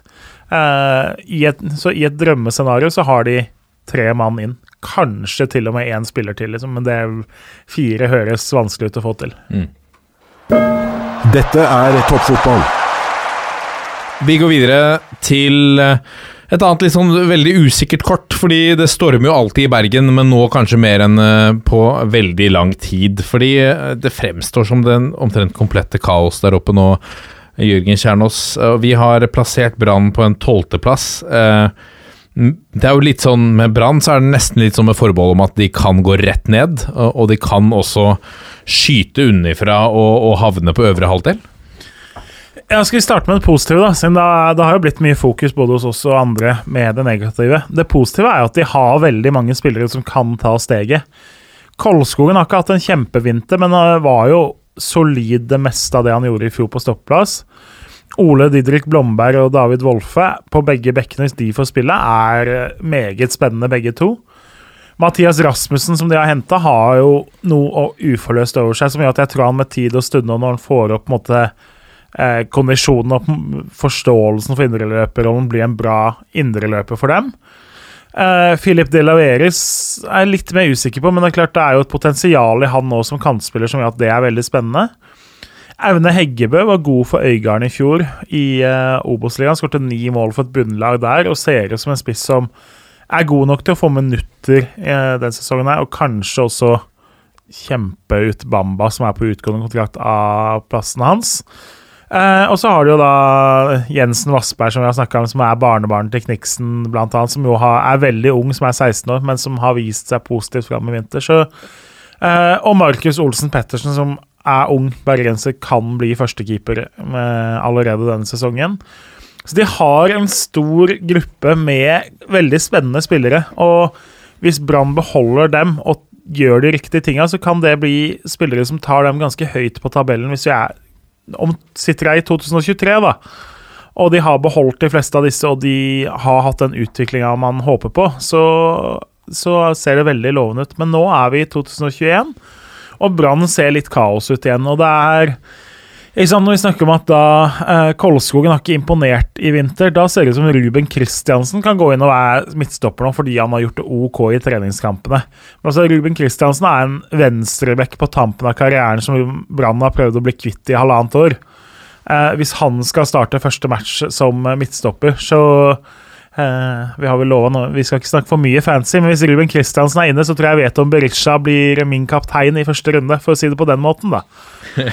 Bamba er jo Bamba, det har vært mye tull rundt der. Liksom uh, Vært suspendert både av NFF og egen klubb av diverse årsaker. Og, litt, ikke sant? og nå er han på utgående og vil ikke forlenge, så Robert Taylor har sett veldig bra ut i oppkjøringa.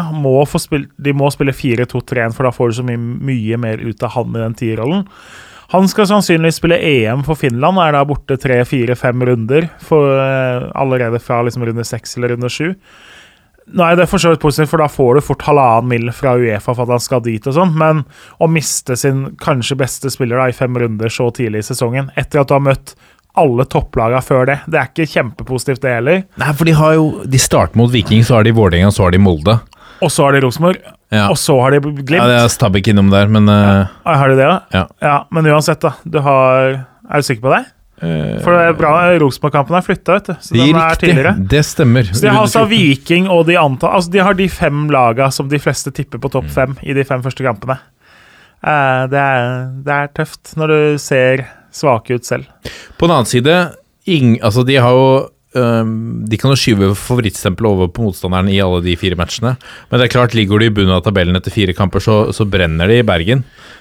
Ja, altså Hvis de slipper inn 14 mål og har null eller ett poeng etter de matchene, så er det ikke alle bergensere som ser på at ja, men vi har jo møtt Bodø-Glimt og Molde. Altså, Taper du 1-3 for Vålerenga og 4-0 mot uh, Bodø-Glimt, så er det ikke alle bergenserne som tenker at det er gode lag som ikke er de lagene vi skal plukke poeng mot i år. Så nei, det, det kan brenne litt tidlig. Og så er det her ikke sant, De sparka sportssjef Rune Soltvedt. Selv om de ikke kaller det det, så var det jo det som skjedde. Eh, og så har de ennå ikke ansatt noen i den jeg, jeg, skjønner ikke det. At du lar en sportssjef gå på det tidspunktet, og så bruker du tre måneder, og så har du fortsatt ikke noe klart. Jeg skjønner at korona gjør ting vanskeligere og sånn. altså det må da være mulig, hvis det er en svenske du har lyst på, eller en danske, å liksom få, få, møttes og få tatt jobbintervju, selv i disse tider, i verste fall på Teams, altså, eller å dra sjæl, og så får du ta karantene. Man, du kan ikke la den jobben stå tom, da, midt i vinduet, og det syns jeg jo lid, klubben lider litt av òg nå, når man ser at de fortsatt jager en stopper eh, og har gjort det i veldig lang tid. Mm. Blir veldig spennende å se hva som skjer i, i Bergen. Men så må vi jo skyte altså det, er jo, det er jo ikke noe som er mer typisk Eliteserien enn at et lag som Brann blir unisont slakta av alle som skal tippe en tabell, og så overrasker de alle når det faktisk spilles som poeng. Ja. Det ville jo på en måte vært Nå er de så slakta at man nesten begynner å tenke motsatt, ikke sant? At uh, nå kommer de til å gjøre det bra fordi alle slakter dem. Underdoggen fra Bergen. Ja. Vi går videre til Nadderud, eh, fordi det er Stabæk vi har plassert på ellevteplass. Og eh, det er jo et lag som sikra seg da en forsterkning på stoppeplass bare noen dager da før seriestarten er her. Eh, Jørgen, hvor viktig var det for det forsvaret? Det har jo vært litt tynt eh, der, med, som vi sa i stad, med to aldrende stoppere og Pignatell som ikke er helt klar for å være et førstevalg. Så har de trengt å ha en stopper, og de har trengt å ha duellkraft inn i laget sitt. Stabæk er jo et lag som vi først og fremst er bekymra for den offensive kvaliteten. Eh, Verken Kinoshita eller Asemi ser ut som de spissene som skal skyte Stabæk til trygg plass. Stabæk eh, kan fort uh, måtte liksom Jeg ser for meg spissplassen hvis de ikke lander en nysignering. Så blir det litt sånn Asemi får noen sjanse, leverer ikke. Kinoshita får noen sjanse, leverer ikke. Så flytter du Vallake Edvardsen opp fordi han kan være et alternativ, så går det helt OK. Og så plutselig en kamp så er det Herolin Sjala som er på topp fordi ingen av de andre har prøvd, eller lykkes, så du må prøve noe nytt. Og så plutselig kommer Kinoshita inn igjen, og så, det, og så går det liksom 13-14-15-16 runder, da, så har du egentlig ikke spisser som leverer. Det er et veldig sannsynlig scenario på Nadderud denne sesongen her. Men som sagt, solid defensivt, egentlig. Eh, en god keeper i Sandberg, selv om han var mye bedre i 2019 enn i 2020. Masse ungt talent på midten som er spennende. altså Både Solbakken og Kostadinov og eh, Gelmoiden som er tilbake, blant annet. Masse unge spennende der. Så trenger de også at spillere som Lumanza, Skytte og Sjala, som er tre av de som skal være eh, klare førstevalg, alle de hadde egentlig skuffende 2020. Sjala mye ut og inn uh, i Oslo hos Vålerenga. Skytte var jo på benk og i Bodø og funka ikke der, og så var han ikke mer enn OK for Stabæk på høsten. Le Mans er egentlig litt skuffende for Stabæk gjennom hele sesongen, syns jeg. Så det er tre spillere som de trenger å få mer ut av. Men jeg syns det har sett litt, litt sånn dødt og litt sånn som man har frykta ut eh, for Stabæk eh, i oppkjøringa. Og så er jo De var jo et av de lagene som hadde veldig koronautbrudd, og jeg er jo litt spent på på en måte hva har det hatt å si for alle? Det har jo vært noen av de som har vært ute og sett at de har på en måte kjent i kroppen en stund. da. Eh, hvis det er på en måte sånn at to, tre, fire, fem spillere der kjenner, eller er 2% mindre liksom, i form da, enn det de var før de ble smittet, så ha, kan det ikke sant, være den lille marginen da, som gjør at det kan vippe ting Enda en liten faktor som kan være med å vippe ting feil vei for Stabæk. Men eh, Cornelius Nordmann Hansen har vi ikke snakket så mye om. Men eh, en mann som imponerte meg litt da han kom i fjor fra var det ikke U-laget til Southampton. Eh, bra ferdigheter, skåra en tre-fire-fem mål. Eh, hva tenker du om han når han nå får en han fikk, en han fikk, ikke en hel sesong i fjor? Jo, han kom rett før seriestart, ja, men han litt, nå har han vel vært litt ute. For han har ikke, han har ikke spilt så mye i treningskampen, så han har vel vært skada, vel. Ja. Uh, men det er klart, jeg tror folk som ikke holder med Stabæk, sliter med å se forskjell på Nordmann Hansen og Vallaker Edvardsen. Jeg tror noen vil få et lite sjokk når vi røper at det faktisk er to forskjellige kantspillere. Uh, klart Kvikk uh, prøver litt på litt for vanskelige ting litt for ofte. Litt den der ungdomsgreia der. Men eh, både han og Vallaker spesielt syns jeg leverte til over godkjent i fjor, altså godkjent pluss. Så spesielt Vallaker Edvardsen, som er litt undervurdert og undersnakka. Så det, sånn som spissplassen ser ut i år, så blir det viktig at de har vel så gode sesonger i år, om ikke bedre. Men det blir jo spennende å se, da. Bjarman må på en måte levere. Altså, Inge André Olsen elska jo å dra opp noe jokerkort eh, på deadline day. Du kan ikke være sportssjef i Stabæk og sitte med den stallen der og ikke trekke et sjansekort på eh, siste dag av vinduet eller nest siste. Det er faktisk ikke lov. Du må signere en eller annen fyr fra Nederland eller Belgia eller Frankrike som hadde en spennende CV for tre år siden. Det er, det er, det er ikke lov, faktisk, å ikke gjøre det. Han får sjekke mail. Det er vel nok av spillere der som sender en e-post. Uh, vi går videre til plass nummer ti, og nå kommer vel en rekke av uh, våre lyttere uh, som holder til nærmere Åråsen til å slakte oss for at vi har Lillestrøm helt oppe på en tiendeplass. Fordi samtlige der er jo glad i å dytte de kanarigule langt ned på nedrykk i alle forhåndstips. Ja, det er vel selveste selveste undersnakkingas eh, arnested i norsk fotball, skulle man tro. I hvert fall ut fra de som eh, kan kalles toppfotballvenner eh, uti der. Det må sies. Men jeg syns jo Lillestrøm Skal man trekke fram noe? Altså, de er kanskje overgangsvinner blant lagene på nedre halvdel. Altså Kranings i mål. OK, det er lån og sånn, men det er fortsatt en ganske bra keeper. Ogbu er en strålende stopper. Kairinen på permanent kontrakt er briljant. Gjermund Aasen inn. Alle veit hva han kan når han ikke spiller i uh, Rosenborg. Altså, får du Tromsø eller Ranheim-versjonen av Gjermund Aasen, sånn som man håper på, så er det en fantastisk signering. Pål André Helland, selv om han har vært eh, dårligere i Rosenborg og fått færre sjanser nå i det siste, så er jo det en poengplukker og kanskje, kanskje Eliteseriens største profil eh, blant spillerne. I hvert fall sånn hvis du snakker om eh, gjenkjennbarhet. Det er vel Hva skal vi tippe? Eller glemmer jeg noe? Hvis du hadde på en måte tatt bilde av alle eliteseriespillerne og så hadde du hatt et panel på 200 tilfeldige nordmenn, så hadde Helland vært den som blei kjent igjen av flest. Hvis du bare hadde fått et Ja, bilde. Per Siljan Skjelbrei, vel. Tror du det? Tror du ikke det? Landslagskaptein og Ja, ja, kanskje, men Jeg vet ikke. Jeg ville sagt Helland, jeg. Jeg tror flere av det. Jeg, jeg tror Altså, Siljan, at han har spilt på en måte åtte sesonger i Tyskland og sånn, altså får Magda på Toten eller Brunnulf på Senja med seg, liksom, kjenner de igjen han umiddelbart? Ja, kanskje.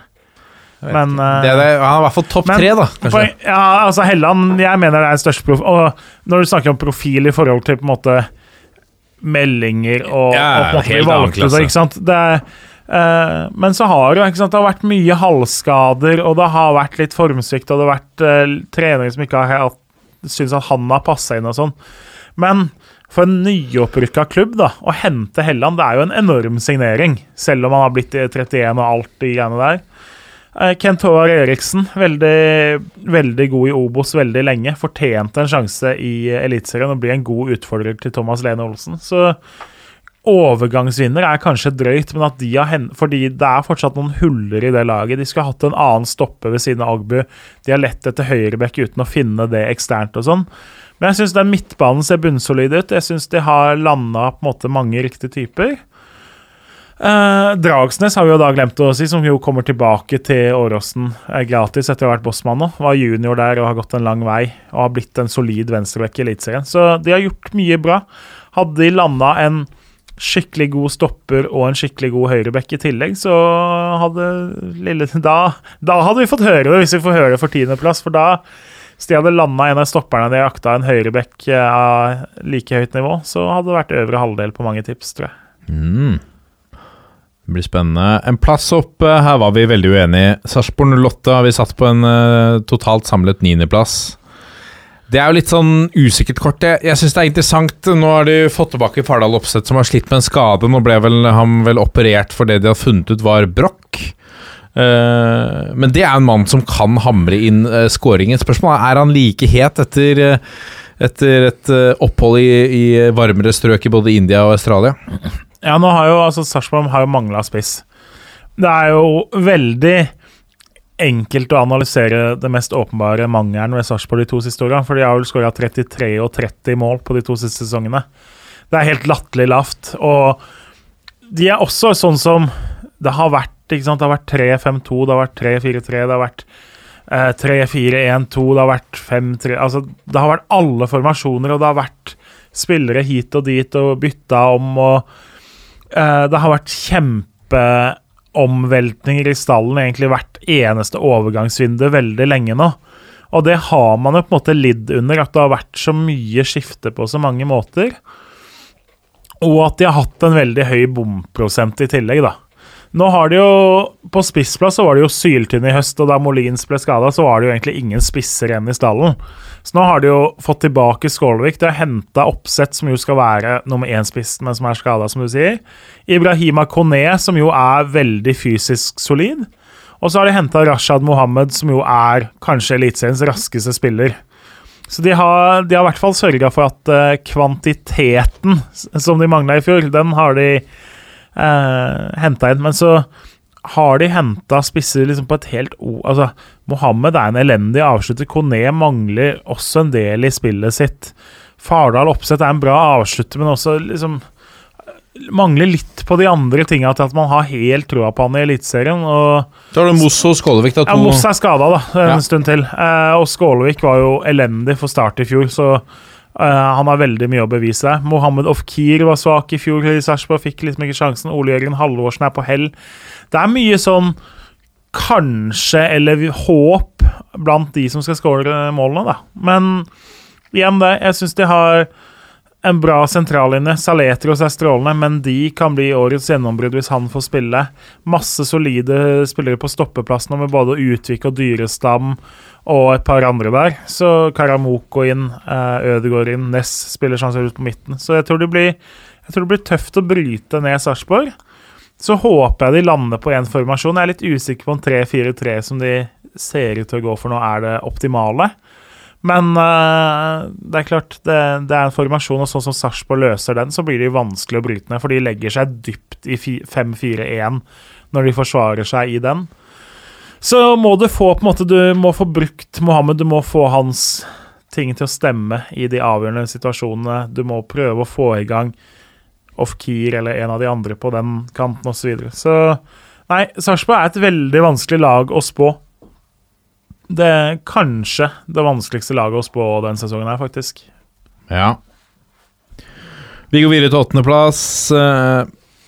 Et lag som også er vanskelig, som vi alltid, omtrent tror jeg, siden vi startet, har dømt tippet lavere ned på tabellen enn de alltid havner. Kristiansund. Eh, det er jo eh, litt sånn gjengs blant en rekke fotballeksperter at ja, men i år så, så holder det ikke like godt. Skal vi gå i fella igjen da? Men åttendeplass er kanskje helt greit i Kristiansund?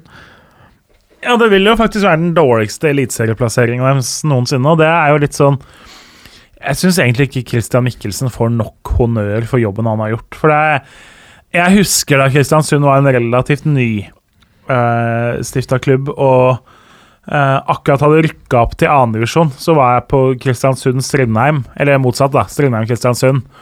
Eh, Det var ikke så veldig mange som var på Strindheim klokka fire på lørdager på den tida, selv om Gjermund Aasen herja rundt som 16-åring og sånn. Eh, han og Løkberg og Erik Tønne og hele gjengen, det var, det var et nydelig Alexander Larsen var faktisk enda bedre enn alle, eh, som er en spiller som ikke Som kanskje er litt mer glemt, men altså det Strindheim-laget var nydelig.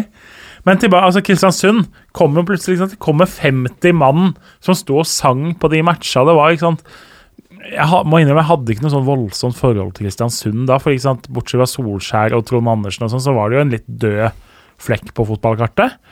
Så har man fått den voldsomme oppturen, og sant, etter at opprykket ble endelig sikra, så har man altså 7, 5, 6, 5 som plassering i Eliteserien. Det er helt enormt for en klubb som aldri har vært oppe tidligere. Så nei, Mikkelsen får rett og slett ikke nok honnør for det han har gjort der. Men som du sier, de blir jo ofte spådd litt lavere. Det, I starten så kom de opp som et sånt ekstremt fysisk lag. Eh, å møte Kristiansund var litt sånn som når Sleivdal skal bort og møte liksom bankebygda i cupen, et eller annet sånt. Du kom for å få juling. Eh, så har de klart å utvikle seg til å bli noe mye mer enn det. Men nå, Pellegrino ut er det, altså du kunne egentlig, Vi kunne egentlig bare sagt Pellegrino ut, derfor blir de dårligere i år. Så er Sondre Sørli ut i tillegg. De har sett helt forferdelig ut i ganske mange av treningskampene, både offensivt og defensivt. Eh, beste kampen de har spilt med Altså by far, det er 0-0 mot Molde. Da var de gode og burde ha vunnet og burde ha skåra. Men eh, 0-3 mot Rosenborg, ikke noe bra kamp. 0-4 mot Ålesund taler jo egentlig for seg selv, osv. Så, videre. så tapt mot Ranheim. De har, de har hatt en skikkelig dårlig oppkjøring. De Igjen, jeg tror ikke Mikkelsen er helt trygg på hva som er den beste elveren, og hvordan han skal løse en spissplass hvor Kastrati skårte null mål i fjor og er på vei bort. Eh, Faris Pemi litt bedre, skårte fire mål, litt, tok litt steg på høsten, men likevel er ikke den toppspissen han ellers. Altså, kantene og spissplassen er per nå skikkelig problemplasser, selv om Gjertsen hjem løser noe av det. Ja. Vi går videre til Haugesund, som du har omtalt som er bli, Holder den elveren seg skadefri, så kan de være med å lukte på topp fire. Ja, det er et av de Altså, jeg føler det gjelder for mange. Vi har sagt om Tromsø. Vi kommer til å si det om Vålerenga. Vi har sagt det om flere av de andre. At man er avhengig av den derre tingen som er umulig å forutse, nemlig skader og formsvikt og sånn. Eh, Jeg mener elveren Hadde det bare vært lov å melde på elleve mann til kamp eller til sesong, så hadde vi endt opp med Haugesund et par hakk høyere. Jeg syns ikke den elveren står noe tilbake for lagene vi har på sjette- og sjuendeplass.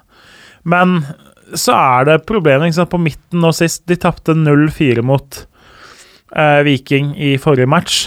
Spilte 4-2-3-en, fant ut da at de man hadde på midten da, funka ikke. Så det Den ene tingen Haugesund mangler så åpenbart, det er en Sondre Tronstad eller en spiller som er mest mulig lik han i spillestil og kvalitet på midten. Det har de ikke. Har prøvd Kevin Krygård der, uten at det er noe kopi på noen som helst måte. Han er bedre som indreløper i mine øyne. Hadde de funnet, altså hadde Sondre Tronstad savna Haugesund så mye at han bestemte seg for å flytte hjem i morgen, så hadde jeg tippa dem på sjetteplass eller kanskje femteplass. Men eh, det skjer ikke, og da hjelper det ikke at du har Velde som et av årets gjennombrudd i fjor, at Liseth og Waji og Sandberg trolig har mer inne. At forsvarsrekka er eh, ganske solid, i hvert fall hvis du får Stølås tilbake på gammelt nivå. At Tore Pedersen er god og kan brukes egentlig i alle plasser på banen. At de har både i Selvik og Stople to meget spennende keepere osv. Så, videre. så det er plusser, men det er også åpenbare minuser. Og hvis de begynner å få litt skader eller må selge veldig fordi det kommer et godt bud, og sånn, så er de i litt større trøbbel enn man liker. Og både Tidemann Hansen og Desler har utgående kontrakter etter sesongen.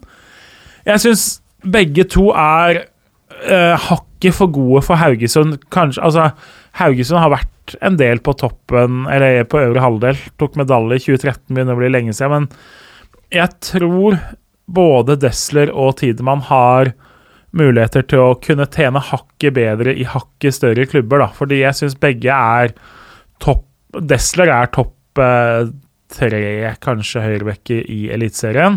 Topp fire, topp fem, i hvert fall. Tidemann Hansen er veldig undervurdert som stopper. Han er oppe i i hvert fall topp ti stoppere i Eliteserien.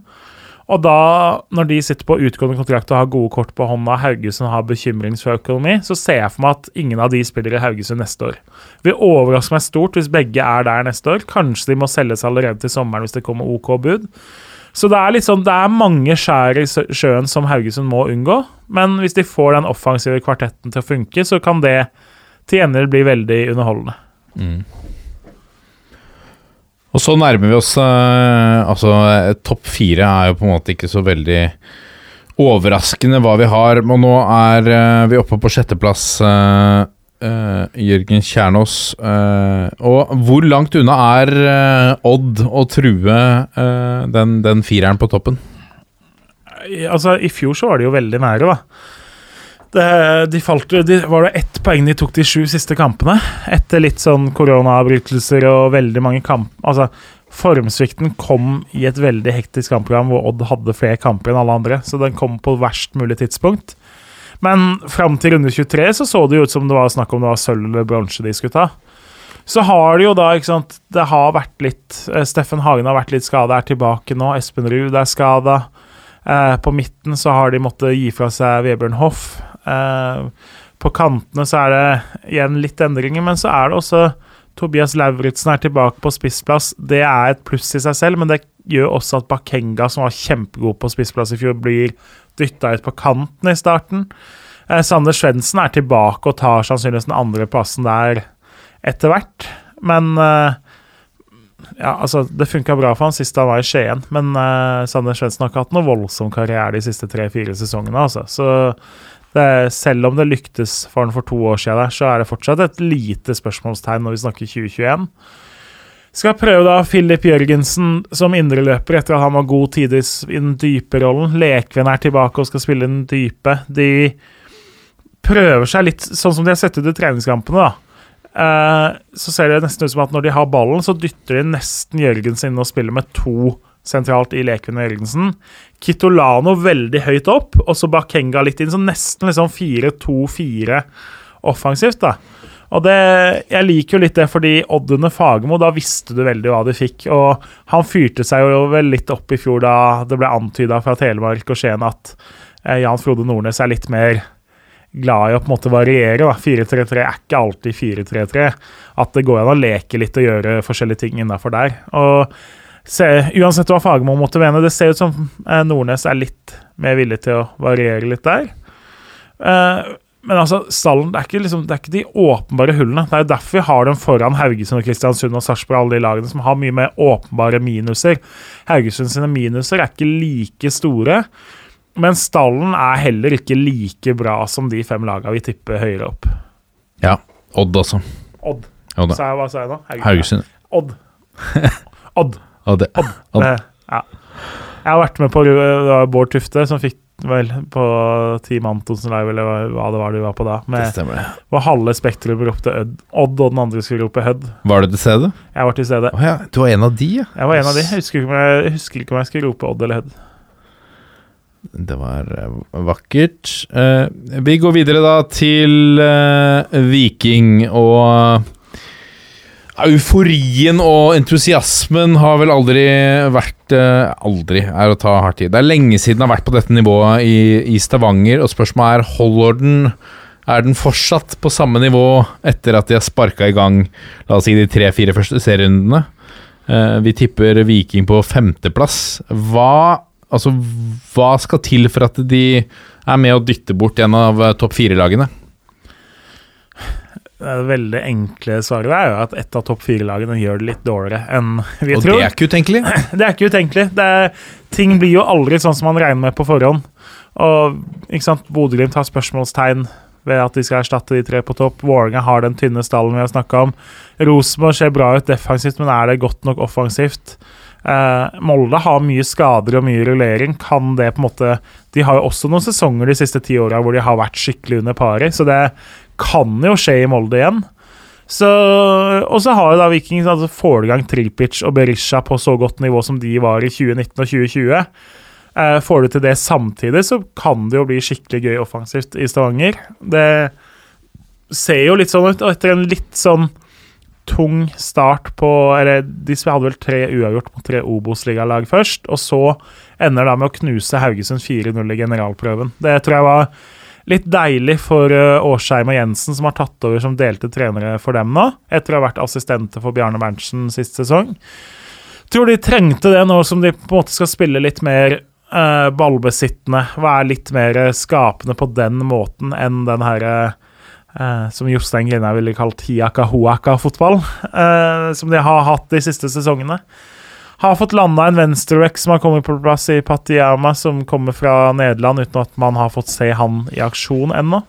Men uh, altså, den store X-faktoren for dem er uh, Tripic og Berisha. Det er ikke til å komme utenom. Og det trengtes jo nå, da etter at Butichi og Ibrahimai gikk ut, så trengte de en kantspiller der. For det, de landlige er skadeplaga og produserer relativt lite målpoeng, selv om han har noen gode kamper hver sesong. Og Kabran er, eh, har også vært ganske god offensivt, men ikke liksom like briljant i alle fasettene av spillet så langt, da. Så nei, jeg, jeg tror Viking blir underholdende. Jeg er litt usikker på om liksom Om den her nye stilen er helt det de skal ha. Om liksom den der fireren som skal være sammen defensivt. Om liksom Bell og Løkberg, og så har du Heggheim, og så har du da Hove eller Vevatnet ved siden av. Og så har du Austbø bakerst. Er det liksom Måler du opp mot Se hva Vålerenga har, se hva Bodø-Glimt har, se hva Rosenborg har, og se hva Molde har, så kommer jo Viking dårligere ut når du lager, skal vurdere det på en skala. Men bevares, de har kommet seg mye nærmere topp fire nå. Og ja, så Enn så lenge så er de i utfordrerposisjon, men det, det, er jo ingen som blir direkte sjokkert hvis de er med nærmere medaljene enn en femteplass. Nei, det blir eh, spennende. Det er gøy om det blir litt eh, tett, at det er eh, flere lag som kan true de, de lenger opp der. På fjerdeplass, da, dårligst av de, de topp fire-lagene, så har vi landet på Vålerenga, Jørgen. Er det litt på grunn av stallen, kanskje? Ja, det er ikke nødvendigvis pga. de elleve som er tiltenkt å starte. Det er pga. de som er nummer 12 til 20 i stallen, hvor de da kommer veldig mye dårligere ut enn de andre. Vil du si at Vålerenga har den beste elveren i Eliteserien? Nei. Hvem er som er bedre, da? Eh, jeg holder i hvert fall Molde over. Kanskje Rosenborg også, men den går an å diskutere. Eh, og uten at man nødvendigvis blir enig. Men Molde, jeg holder Molde fortsatt over eh, også der. Men at Vålerenga er mye nærmere hvis du bare vurderer de elleve beste, enn hvis du vurderer hele stallen og tenker liksom muligheter utover sesongen og sånn, det er det ikke noe tvil om. Og jeg tror det kan bli ordentlig gøy å se Laioni og Dønnum, som ser veldig bra ut. Og så er jo faktisk Kjartansson den som har vært lengst unna å vise form i oppkjøringskampene. Og han hadde jo også en litt dalende kurve da han kom hjem i fjor. Han starta jo veldig bra, skårte vel hat trick mot Brann i første kampen sin, og så skårte mot Molde etter det, men så dabba det jo litt av i forhold til det, og han var litt anonym i noen av matchene etter det også. Var jo liksom ikke like sprudlende på slutten, og har liksom fortsatt så blir... jeg, har sittet, jeg, har sittet, med en litt sånn følelse på at på en eller annen måte det kommer til å presse fram at Henrik Udal er nødt til å spille noen matcher fordi Kjartansson er så langt ute. Samtidig så har han jo nå enda bedre folk rundt seg til å, å, spille han god, til å sette han opp i boks. Du har liksom samarbeidet med Sarawi som ble etablert i, i, fjor, nå også backet av en enda bedre offensiv uh, venstrekant i Laioni. Aron Dønnum som kanskje er hakket hvassere i år også. Ja, men uh, altså Leoni er jo litt sånn en venstrekant som spiller litt for seg selv. Han er jo på en ja. måte ikke helt den du ser for deg kommer til å servere så veldig, veldig veldig mye inn til Kjartansson heller. Nei. Litt mer den der at han er på en måte en venstrespiss, nesten, i spillertypen han er. Så usikker på hva det har å si. Men det vil jo være veldig teit å sitte her og si at liksom Kjartansson er et spørsmålstegn også, da. Fordi er det én spiller som har potensial til å skåre 30 mål neste sesong, så er det jo han. Hvis ikke Botheim får så mange sjanser av å spille midtspiss i Bodø-Glimt at uh, bestemora, kunne, eller bestemora mi kunne skåra 30 også, liksom. Så han er jo den desidert beste avslutteren og den desidert mest naturlige målskåreren vi har. Men form og flyt og overskudd og alle de tinga der er jo også en viktig del av fotballen. Akkurat der så har han ikke uh, så langt i vinter, eller ikke i vinter, men så langt i oppkjøringa, vist at han er helt i rute. Så for å snakke i fantasy-termer, så er jeg ikke noe i tvil om at Dønnem og Leoni er nærmere å være inn på laget mitt enn Kjartansson akkurat nå, da. Men det kan jo også være en grusom feilbedømming. Ja. Så er jo altså resten av høyresida, i tillegg til Dønnem altså Henrik Bjørdal passa jo perfekt inn som indreløper der i fjor. Og vist seg uh, litt målfarlig, plukke litt målpoeng. Ja, ja. Og Borchgrevink som offensiv høyrebekk. Og det blir ikke gøy å være venstrebekk eller venstre indreløper eller venstrekant mot Vålerenga i år. Det, da får du mye jobb. Du er nødt til å ha sovet riktig og spist riktig og trent riktig før de kampene i år. Uh, og så har du da sant, Tobias Christensen har vært uh, var kjempegod som indreløper. Han skåret to mål uh, på en omgang mot Tromsø i generalprøven. Kan bekle egentlig alle plassene på midten og kanskje en kantplass også. og så i tillegg da at Sarawi som, som indreløper offensivt så tror jeg han blir enda bedre der, da. Men om han er god nok i den defensive delen av jobben og har kvalitetene der, det blir spennende å se. Så eh, jeg er redd at det blir mye å gjøre for Oldrup og Nesberg og Tollås sentralt her til tider, og at det kan bli mye sånn 3-2-kamper istedenfor 1-0 og sånn.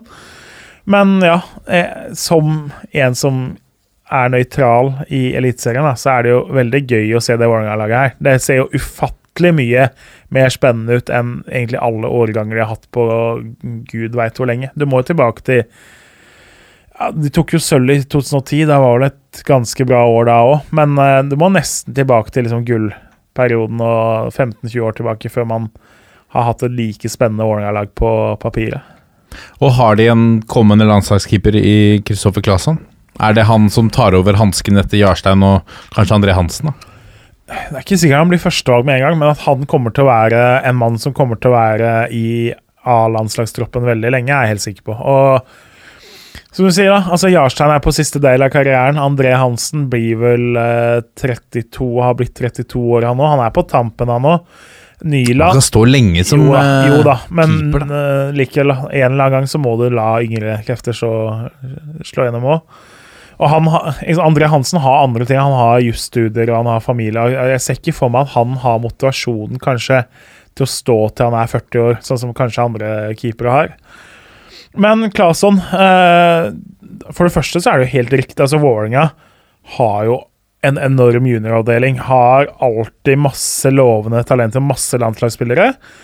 Og så får du inn en trener som er veldig vant og veldig villig til å satse på de. Så altså Claesson, Borchgrevink, Sarawi For så vidt Dønnum og Nesberg òg, selv om de var mer åpenbare valg, da.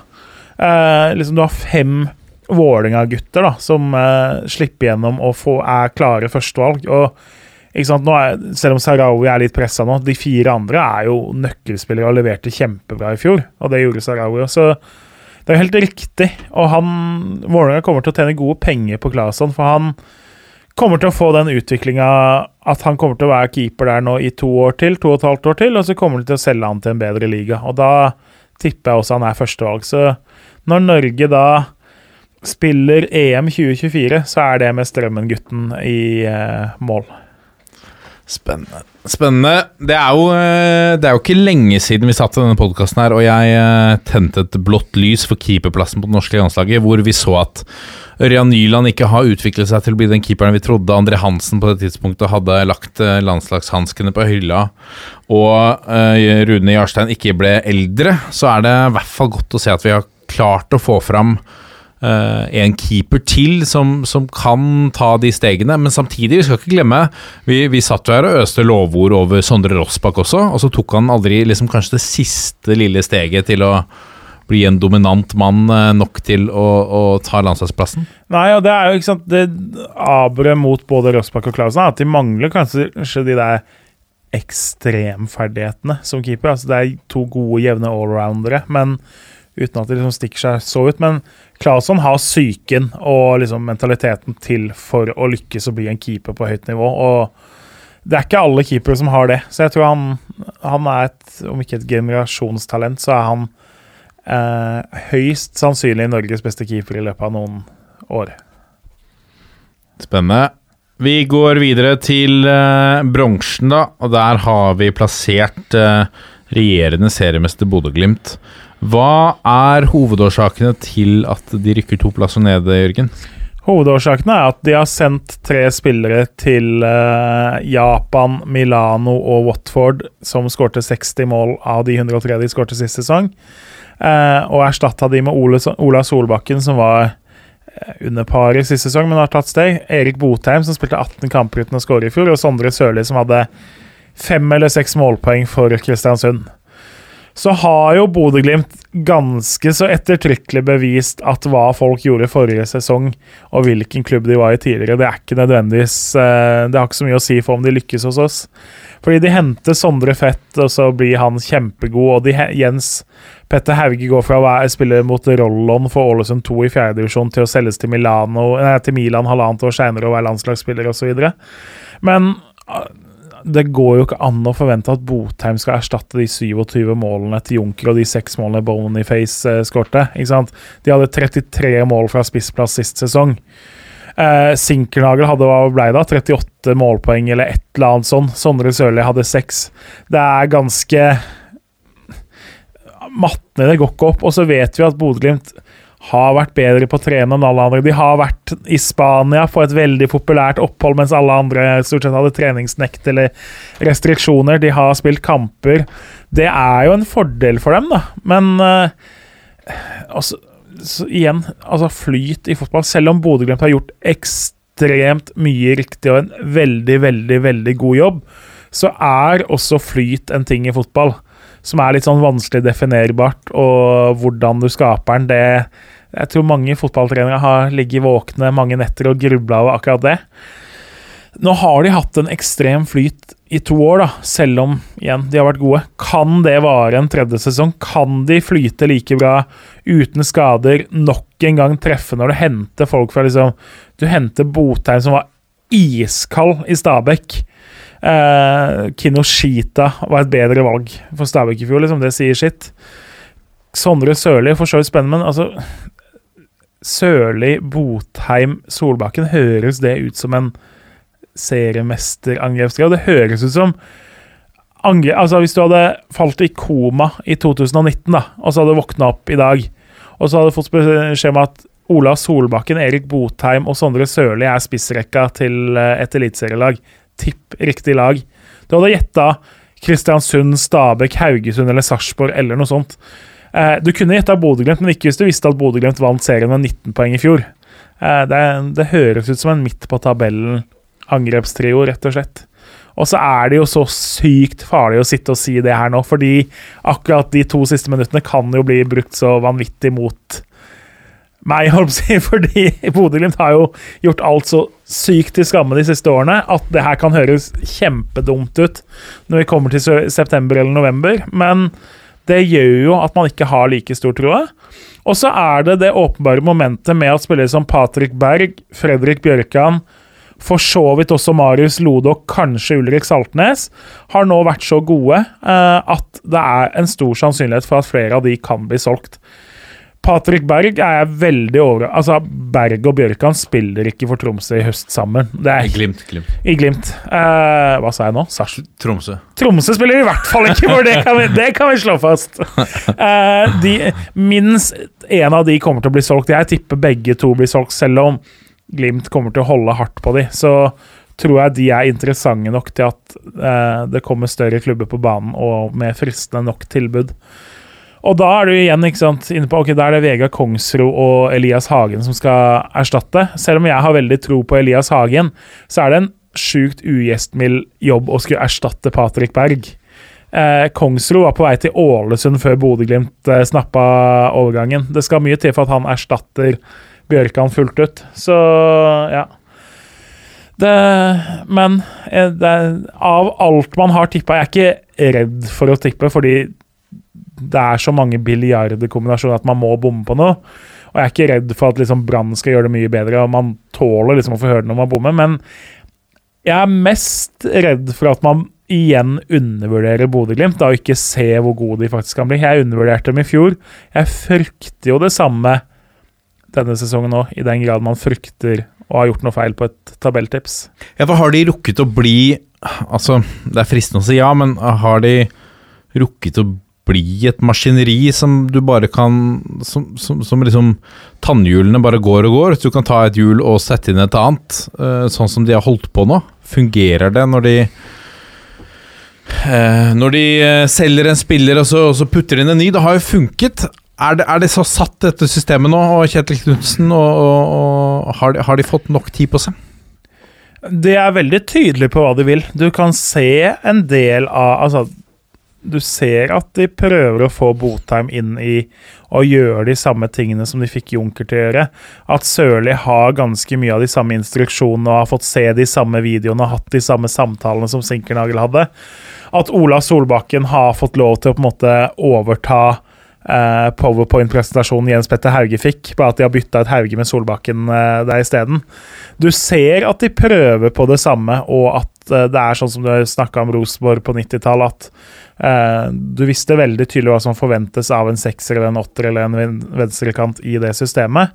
Så det er jo også en styrke, men jeg tror rett og slett ikke spillerne de har erstatta med, er gode nok eh, til å fullt og helt ut eller halvt ut klare det. Men eh, igjen, det, det kan være en elendig spådom.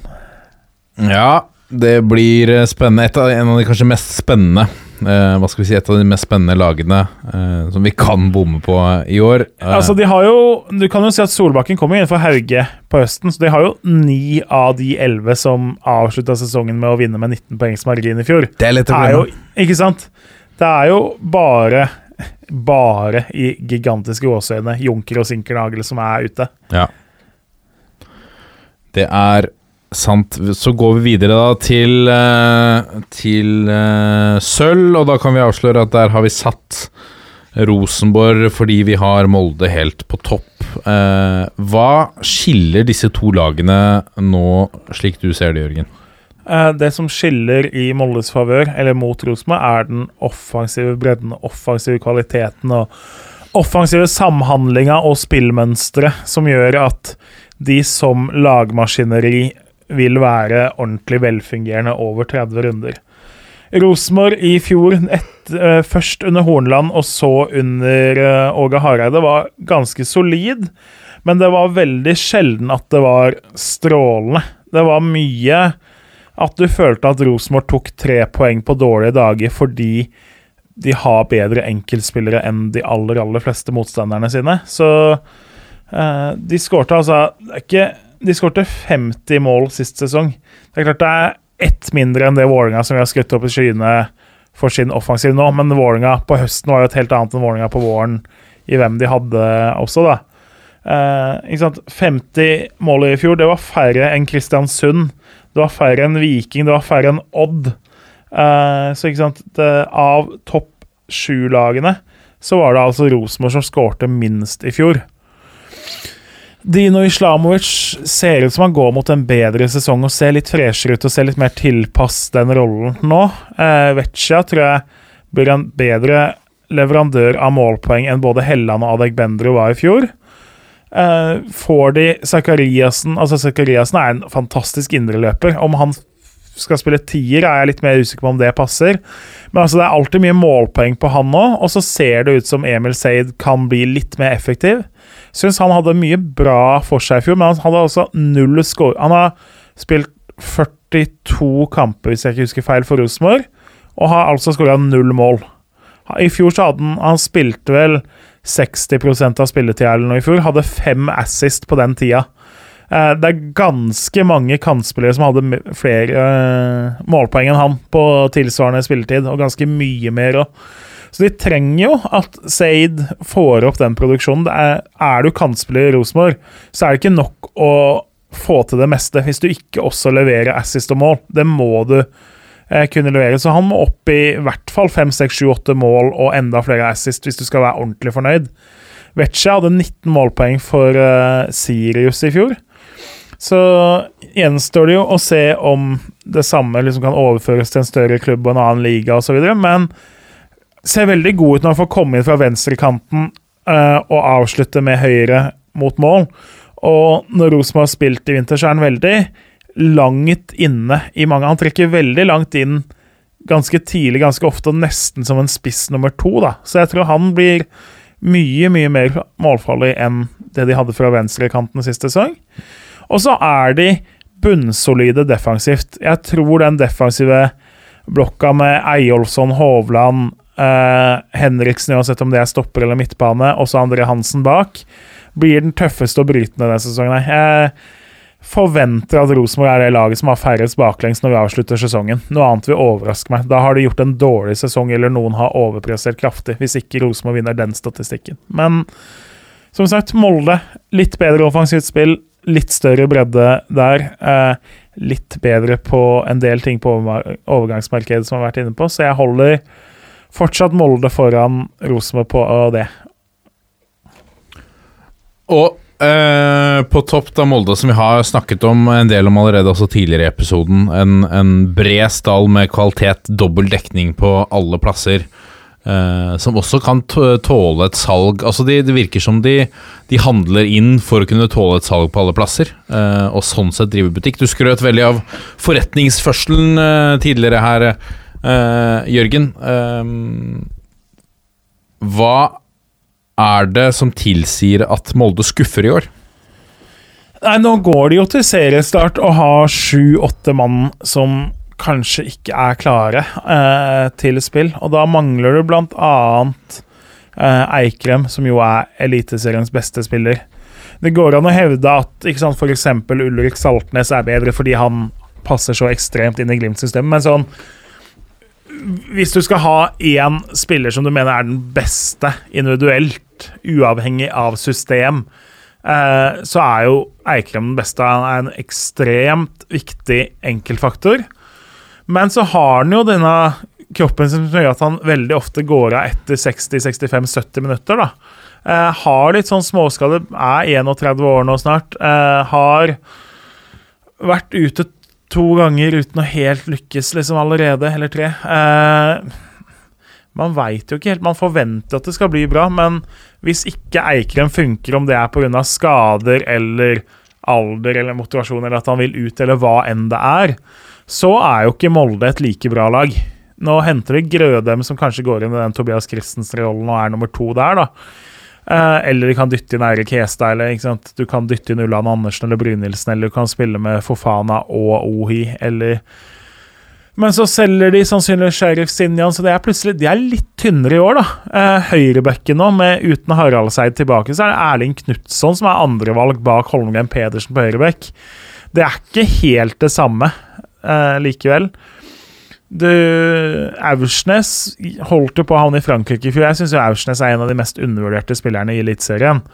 Det er klart Toulouse, eh, som jo er en nivå 2-klubb i Frankrike, var villig til å bruke 30 millioner på han. Det sier jo en del om han også, og mener han kanskje burde ha vært med i den landslagstroppen Solbakken tok ut til sin første periode der. Så nei, de har, de har gode enkeltspillere utenom Jeg sa jo i stad at utenom Linde, Gregersen og Eikrem, så kan de jo kunne nesten tatt med Aursnes òg, da. Beholdt de fire. De sju andre plassene på laget, så er det dobbel dekning og noen steder trippel dekning med kvalitetsspillere. Og det er jo Moldes styrke, men det er også litt svakheten deres. I fjor så var det mye rullering, og mange som ikke liksom fikk til Du kunne spille bra i en kamp, og så spilte du OK neste kamp, og da var det av etter 60 minutter, og så var det benken i neste. Det var vanskelig å finne formen. Mens Vålerenga i år veit jo hvordan kommer til å stille opp, sannsynligvis. Rosenborg samme, Bodø-Glimt samme. Det er jo på en måte en litt trygghet for spillerne. Uh, Ola Solbakken skal spille to-tre dårlige kamper før de bytter ut han eller setter inn en annen der. Så, mens i Molde, hvis ikke uh, Ulland Andersen leverer, så er det Ola Brynildsen som starter neste kamp. Og det er jo ikke alle spillere som trives med det, eller har godt av det heller. Så det Tror du de har tatt høyde for hvor godt de takler et sånt rotasjonssystem mentalt da de hentet de spillerne de gjorde? Altså Var de sikre på at Ulland Andersen for eksempel, kommer til å takle en sånn rotasjonsordning da de hentet han, f.eks.? Med fasit ettergang så ser det jo ikke sånn ut. For han har jo vært eh, en av de som Klart han har jo vært skada lenge, men i fjor så måtte han jo ha en pause liksom, og fikk eh, slutta egentlig sesongen med noen runder igjen i fjor, fordi det blei mye benk og mye vraking og sånn på han. Så nei, du kan ikke fullt ut vite hvordan en spiller takler ulike ting eh, mentalt. Du kan se veldig mange videoer og ha veldig mange samtaler med en spiller som gjør deg trygg på hvordan han er som person og hvordan han er som spiller. Men hva som foregår i, en, i huet på en fotballspiller, det tror jeg ikke engang Altså, Barcelona, Manchester United og Juventus og Bayern München bommer jo på milli, altså 100 millioners overganger. Hvis de klubbene kan bomme når de bruker 600-700 millioner på en spiller, så kan Molde bomme når de henter eh, en spiller for 4 millioner fra Obos-ligaen. Og det Noen ganger så Du veit ikke helt, og, men jeg tror jo man i Molde kanskje burde ta med Altså at de hadde hatt godt, i hvert fall i fjor, av i større grad å spille noen i form offensivt. Da. Det var mye bytte mellom Leke James og Ohi eksempel, som gjorde at ingen av de var fullt ut kjempegode i fjor, selv om begge skårte bra med mål. Eh, så syns jeg det var jo ingen som vurderte å ha dem inne i nærheten av årets lag, f.eks. Det er litt pga. Glimt-sesongen òg, men også fordi ingen av dem var veldig gode. Og det Jeg vil jo tro at Ohi hadde vært bedre hvis han visste at han var førstevalg, ikke at han var eh, jevn med en annen spiss. Ja. Hva tror du om altså, For det er jo sagt først, første matchen til Molde er mot Kristiansund, som er kanskje nå er det et brukbart tidspunkt å møte Molde på, med en, del, en rekke spillere ute. Og det er vel kanskje den verste motstanderen Molde kan få akkurat nå, eller? Fordi den kampen lever sitt eget liv? Ja, litt usikker. Altså, klart for Kristiansund betyr den mye, og for Molde og men altså Uten tilskuere og sånn, så er jeg usikker på liksom hvor mye av den rammen som kommer inn. Og de har møttes allerede nå i vinter for et par uker siden. Det blir jo ikke vinter, men vinter i form av at det er oppkjøringssesongen. Så jo, det går jo også an å hevde at for Molde så er det en fordel å møte Kristiansund, som har sett så elendig ut nå, før de faktisk begynner å eh, få spillere inn i system og spillere inn i form. Så det, det virker begge veier. Men ja, nei, vi, altså vi, Man må lande på Molde, og de har, Fofana har vi jo kanskje ikke snakka nok om heller. Altså, han er jo superspennende. Og det, det, er også en ekstra Selv om de hadde da Leke og Ohi på topp i fjor, Fofana på en måte er et så rått talent at det gir liksom en ekstra faktor. Det er ikke bare bytt en god spiss med en annen. Det er å ha et sånt ekstremtalent som virkelig kan slå til. da. Uh, og så når du da i tillegg har uh, Eikrem bak, og du har Ohi allerede på topp. Det, Molde blir forferdelig å forsvare seg mot i år når de har dagen. Og så har de da Linde, som kanskje er Eliteseriens beste keeper, selv om jeg mener André Hansen fortsatt er det, så er Linde blitt en bunnsolid eliteseriekeeper. Mm. Og Stian Gregersen var jo fantastisk i fjor, og er, har vokst til å bli en skikkelig klassestopper på det nivået her. Og så når du da har Aursnes i tillegg Du har tre litt glemte liksom i mengden bak der. De, de tre er stjerner i sine roller. Det var uh, toppfotballs tabelltips, uh, altså. Uh, det komplette tipset er å finne på våre sosiale medier. Skal vi slenge på et uh, toppskårertips også mot uh, slutten der, da? Jørgen. Uh, altså, kandidatene her er jo Vi har en del sånne klare kandidater. Ørn Kjartansson. Det påtvinger seg vel at Erik Botheim er en kandidat i og med at han spiller der han spiller nå. Ja, altså For meg så er det fire åpenbare kandidater. Altså Jørn Kjartansen er jo odds favoritt av en grunn. For som vi har sett, beste avslutteren, beste målskåreren i Eliteserien. Men igjen, er han helt der nå i 2021? Det er et bitte lite spørsmålstegn der. Uh, som du sier, Botheim er wildcardet for de som spiller, og det han viste i 2020, og sånn, så er han jo ikke i nærheten. Men når du er førstevalg på topp for Bodø-Glimt, uh, så blir du automatisk en av de som må regnes med oppe der. Og så har jeg de to andre som jeg mener er selvsagte som må nevnes. Det er Veton Berisha og Dino Islamovic. Islamovic altså, spiller spiss for Rosenborg, i tillegg tar straffer. Eh, og sannsynligvis får litt mer støtte offensivt enn han hadde i fjor. Han, da skåret vel Jeg tror han skåret ni spillemål og tre straffer i fjor. Tolv mål. Det er, det er, litt under pari som Rosenborg-spiss. Ganske sikker på at han hever den med i hvert fall fem mål. Jeg tror han ender på 17, 18, 19 den sesongen her. Så hvis ingen stikker av sånn voldsomt, sånn som eh, både Pellegrino og Junki gjorde i fjor, så er han en kandidat. Berisha skårte 16 i fjor. Får, kommer til å Starte omtrent alle kampene, han også. Tar sannsynligvis straffene fortsatt. Få enda mer støtte av Tripic, eh, og Kabran kan være fint der. Jeg tror han også er et sted i hvert fall 15-20 den sesongen her. Så for meg så er det Kjartan som er favoritt, og så er det da har du på en måte Islamovic og Berisha og Junker som da neste omtrent i den rekkefølgen. Så, men det er fryktelig kjedelig å gjette på Kjartansson, så jeg går for at uh, Dino uh, blir årets uh, sauer. Nei, årets toppskårer. Dette er toppfotball. Og så er det klart for lyttespørsmål, og vi begynner uh, med vår venn Bjørn Rudshagen, som lurer på hvordan vil HamKam gjøre det denne sesongen? Har de godt nok lag til å kjempe om kvalik? Vi skal jo komme nærmere med tabelltips i Obos-ligaen. eh, Det blir vel neste uke? Ja, Ja. for den starter jo neste uke, helgen, så ja. da må vi få til det. Det er riktig. Hva tenker du om HamKam da, Jørgen, som det ser ut eh, nå? Er dette bra nok?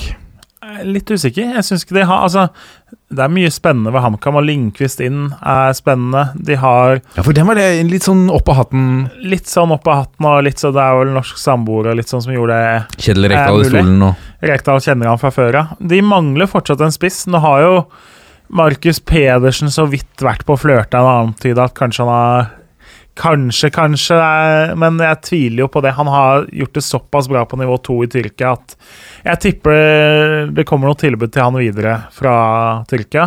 Så eh, Nei, de hadde trengt en spiss. Jeg er usikker på om Jarosinski er keeperen som eh, redder nok poeng. I fjor hadde de Mbaye på slutten, som var Obos-ligaens desidert beste keeper da.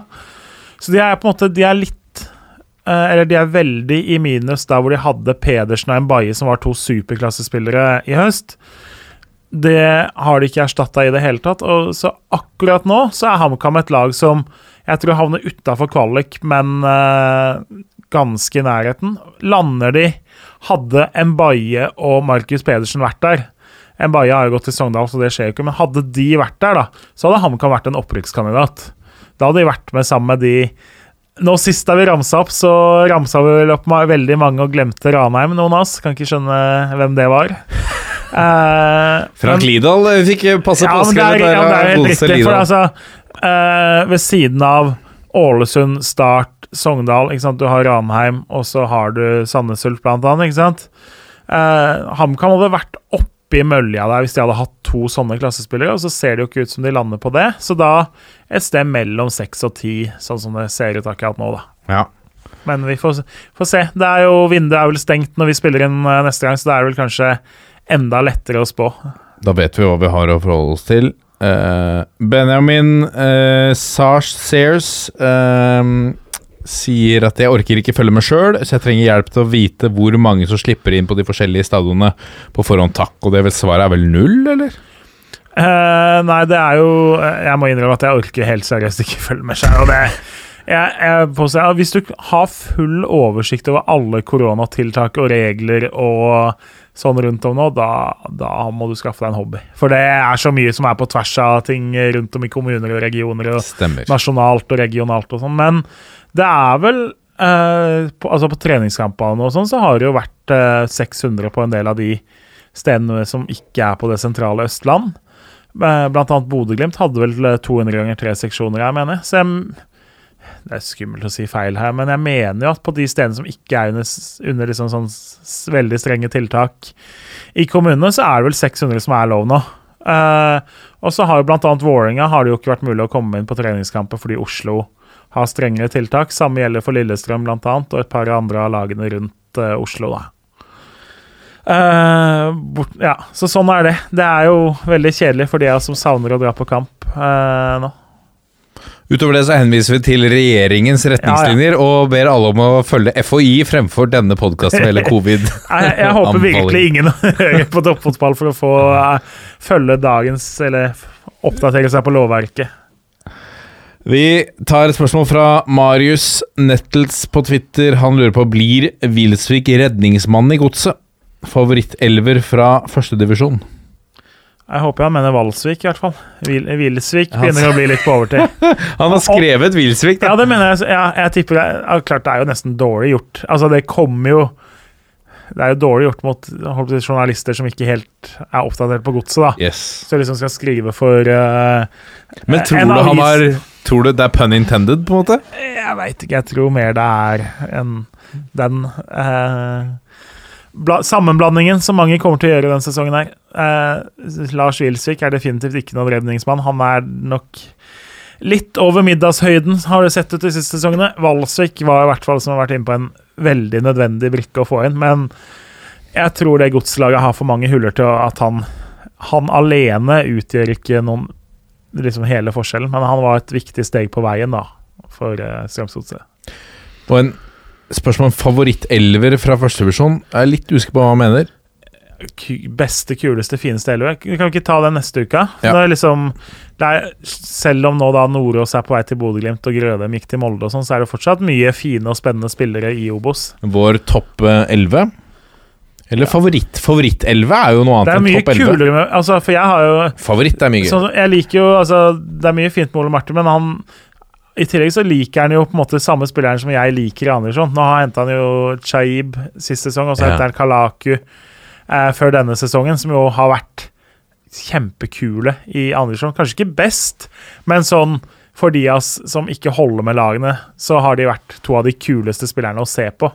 Så eh, begge Jeg tror verken Kalaku eller Chaib kommer inn på en besteelver i eh, Obos, men at begge kan snuse på en plass i troppen til kuleste eller mest eh, publikumsvennlige elver, det kan de. Det er den feteste troppen, det.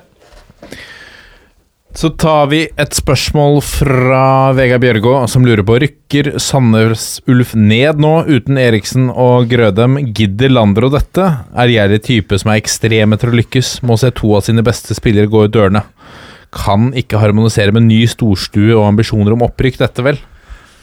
Jeg synes det var tøft å spørre. Jeg lurer- lurte nesten på, Han er vel godset supporter, om det var et uh, håp om kan vi få uh, Landro til godset. Hørtes nesten det der ut som for meg, men uh, eh, jeg har egentlig hatt tro på Sandnes Ulf denne sesongen. Også for ambisjonene deres, eller for prestasjonene deres i år, så er det jo et enormt tap å miste Grødem nå helt på tampen. Eriksen er jo også et kjempetap, men altså med Hustad og Bringaker inn, så har de også en god spissduo fra før av. Så jeg var Jeg har jo vært troende til å vurdere å ha dem nesten topp to på tabelltipset mitt. Nesten, men de eh, faller nok ut av topp to i mitt hue med Grødem ut. Det gjør de. Men at eh, Jeg mener Sandnes Ulf gjør en fryktelig skuffende sesong hvis de ikke er med topp seks. Da har de underprestert. Men Erik, nei. Det Klart Sandnes Ulf er jo uberegnelige, da, men eh, de er altfor gode for Nerik Da, da Men igjen, det trodde man om Kongsvinger i fjor òg, da. Så Ja. Det blir eh, spennende. Vi skal ta for oss Obos-ligaen i detalj neste uke. Da har vi også litt mer kjøtt på. Jeg gleder meg til å sitte med Altså Man sitter jo ikke med mange svar etter første serierunde. Men du sitter i hvert fall med noen flere svar enn etter å ha sett eh, treningskampene. Det, er, eh, det blir en vanvittig spennende runde nå til helga, men det er jo ikke en full runde. Så den er vel eh, fullt komp først komplett 16. mai. 16. mai er første gang at uh, seks av lagene er i aksjon. Nå er det jo først ti lag uh, på søndag, og så er det åtte av dem igjen på onsdag, og så alle 16 på 16. mai. Yes. Så ja, nei, det er som du sier, treningskamper gir jo ikke alt. Jeg satt jo med en del penger på Viking mot uh, Bodø-Glimt i fjor i første serierunde, for jeg var helt sikker på at Viking skulle være et bedre lag enn Bodø-Glimt på det tidspunktet. Det var jo en uh, meget feilaktig uh, spådom, for å si det sånn. Så, uh, og det er jo Det er jo grunnen, eller én av veldig mange grunner til at man gleder seg til seriestart. Det er noe helt annet når det spilles om poeng. Og noen lag hever seg da 10-15-20% også. Vi gleder oss. Uh, nå braker det i gang. Uh, har du spørsmål eller tips til uh, temas, send det til oss på toppfotball at 451.no. Vi har fått en rekke lyttespørsmål også til Ole Martin, som vi selvfølgelig tar med til han når han er tilbake i studio. Han er jo Vi må jo kommentere hans fravær. Han jobber jo i i toppfotballen, så når han sier at jeg er nødt til å jobbe i kveld, så vet vi at det er til det beste for eh, norsk eh, toppfotball. Eh, Så da slipper jeg han selvfølgelig. Lasse Wangstein er jo satt ut av spill med covid, så han tok den for laget. Han har da eh, førstehåndskunnskap i hvordan det er å ha covid-19, så det kan være en nyttig erfaring for denne redaksjonen. Ja, eller det er jo Ja. Velkommen i gjengen. er det det ja, det, det er flere. Ja, det vil gå Ja. ut med det. Ja, det er Ja, jeg, har ikke, jeg har vel sånn halv... Ja da. Jeg tror jeg har fem måneder i dag, jeg, faktisk. Siden jeg hadde Så det Å, jubileum. Ja, jubileum. Det markeres jo. Problemet mitt er jo at uh, alt, alt av jubileer kan jo markeres med jeg holdt å si is og brus. Så får ta en is på veien hjem da, og markere. oh, vi er tilbake neste uke til det. Kos deg med Eliteserien. Nå er det i gang, og uh, den ekte fotballen ruller altså fri for milliarder og sportsvasking og superliga og piss. Nå er vi i gang. Uh, og vi avslutter på 1, 2, 3. Vi er i gjeng! Ha det!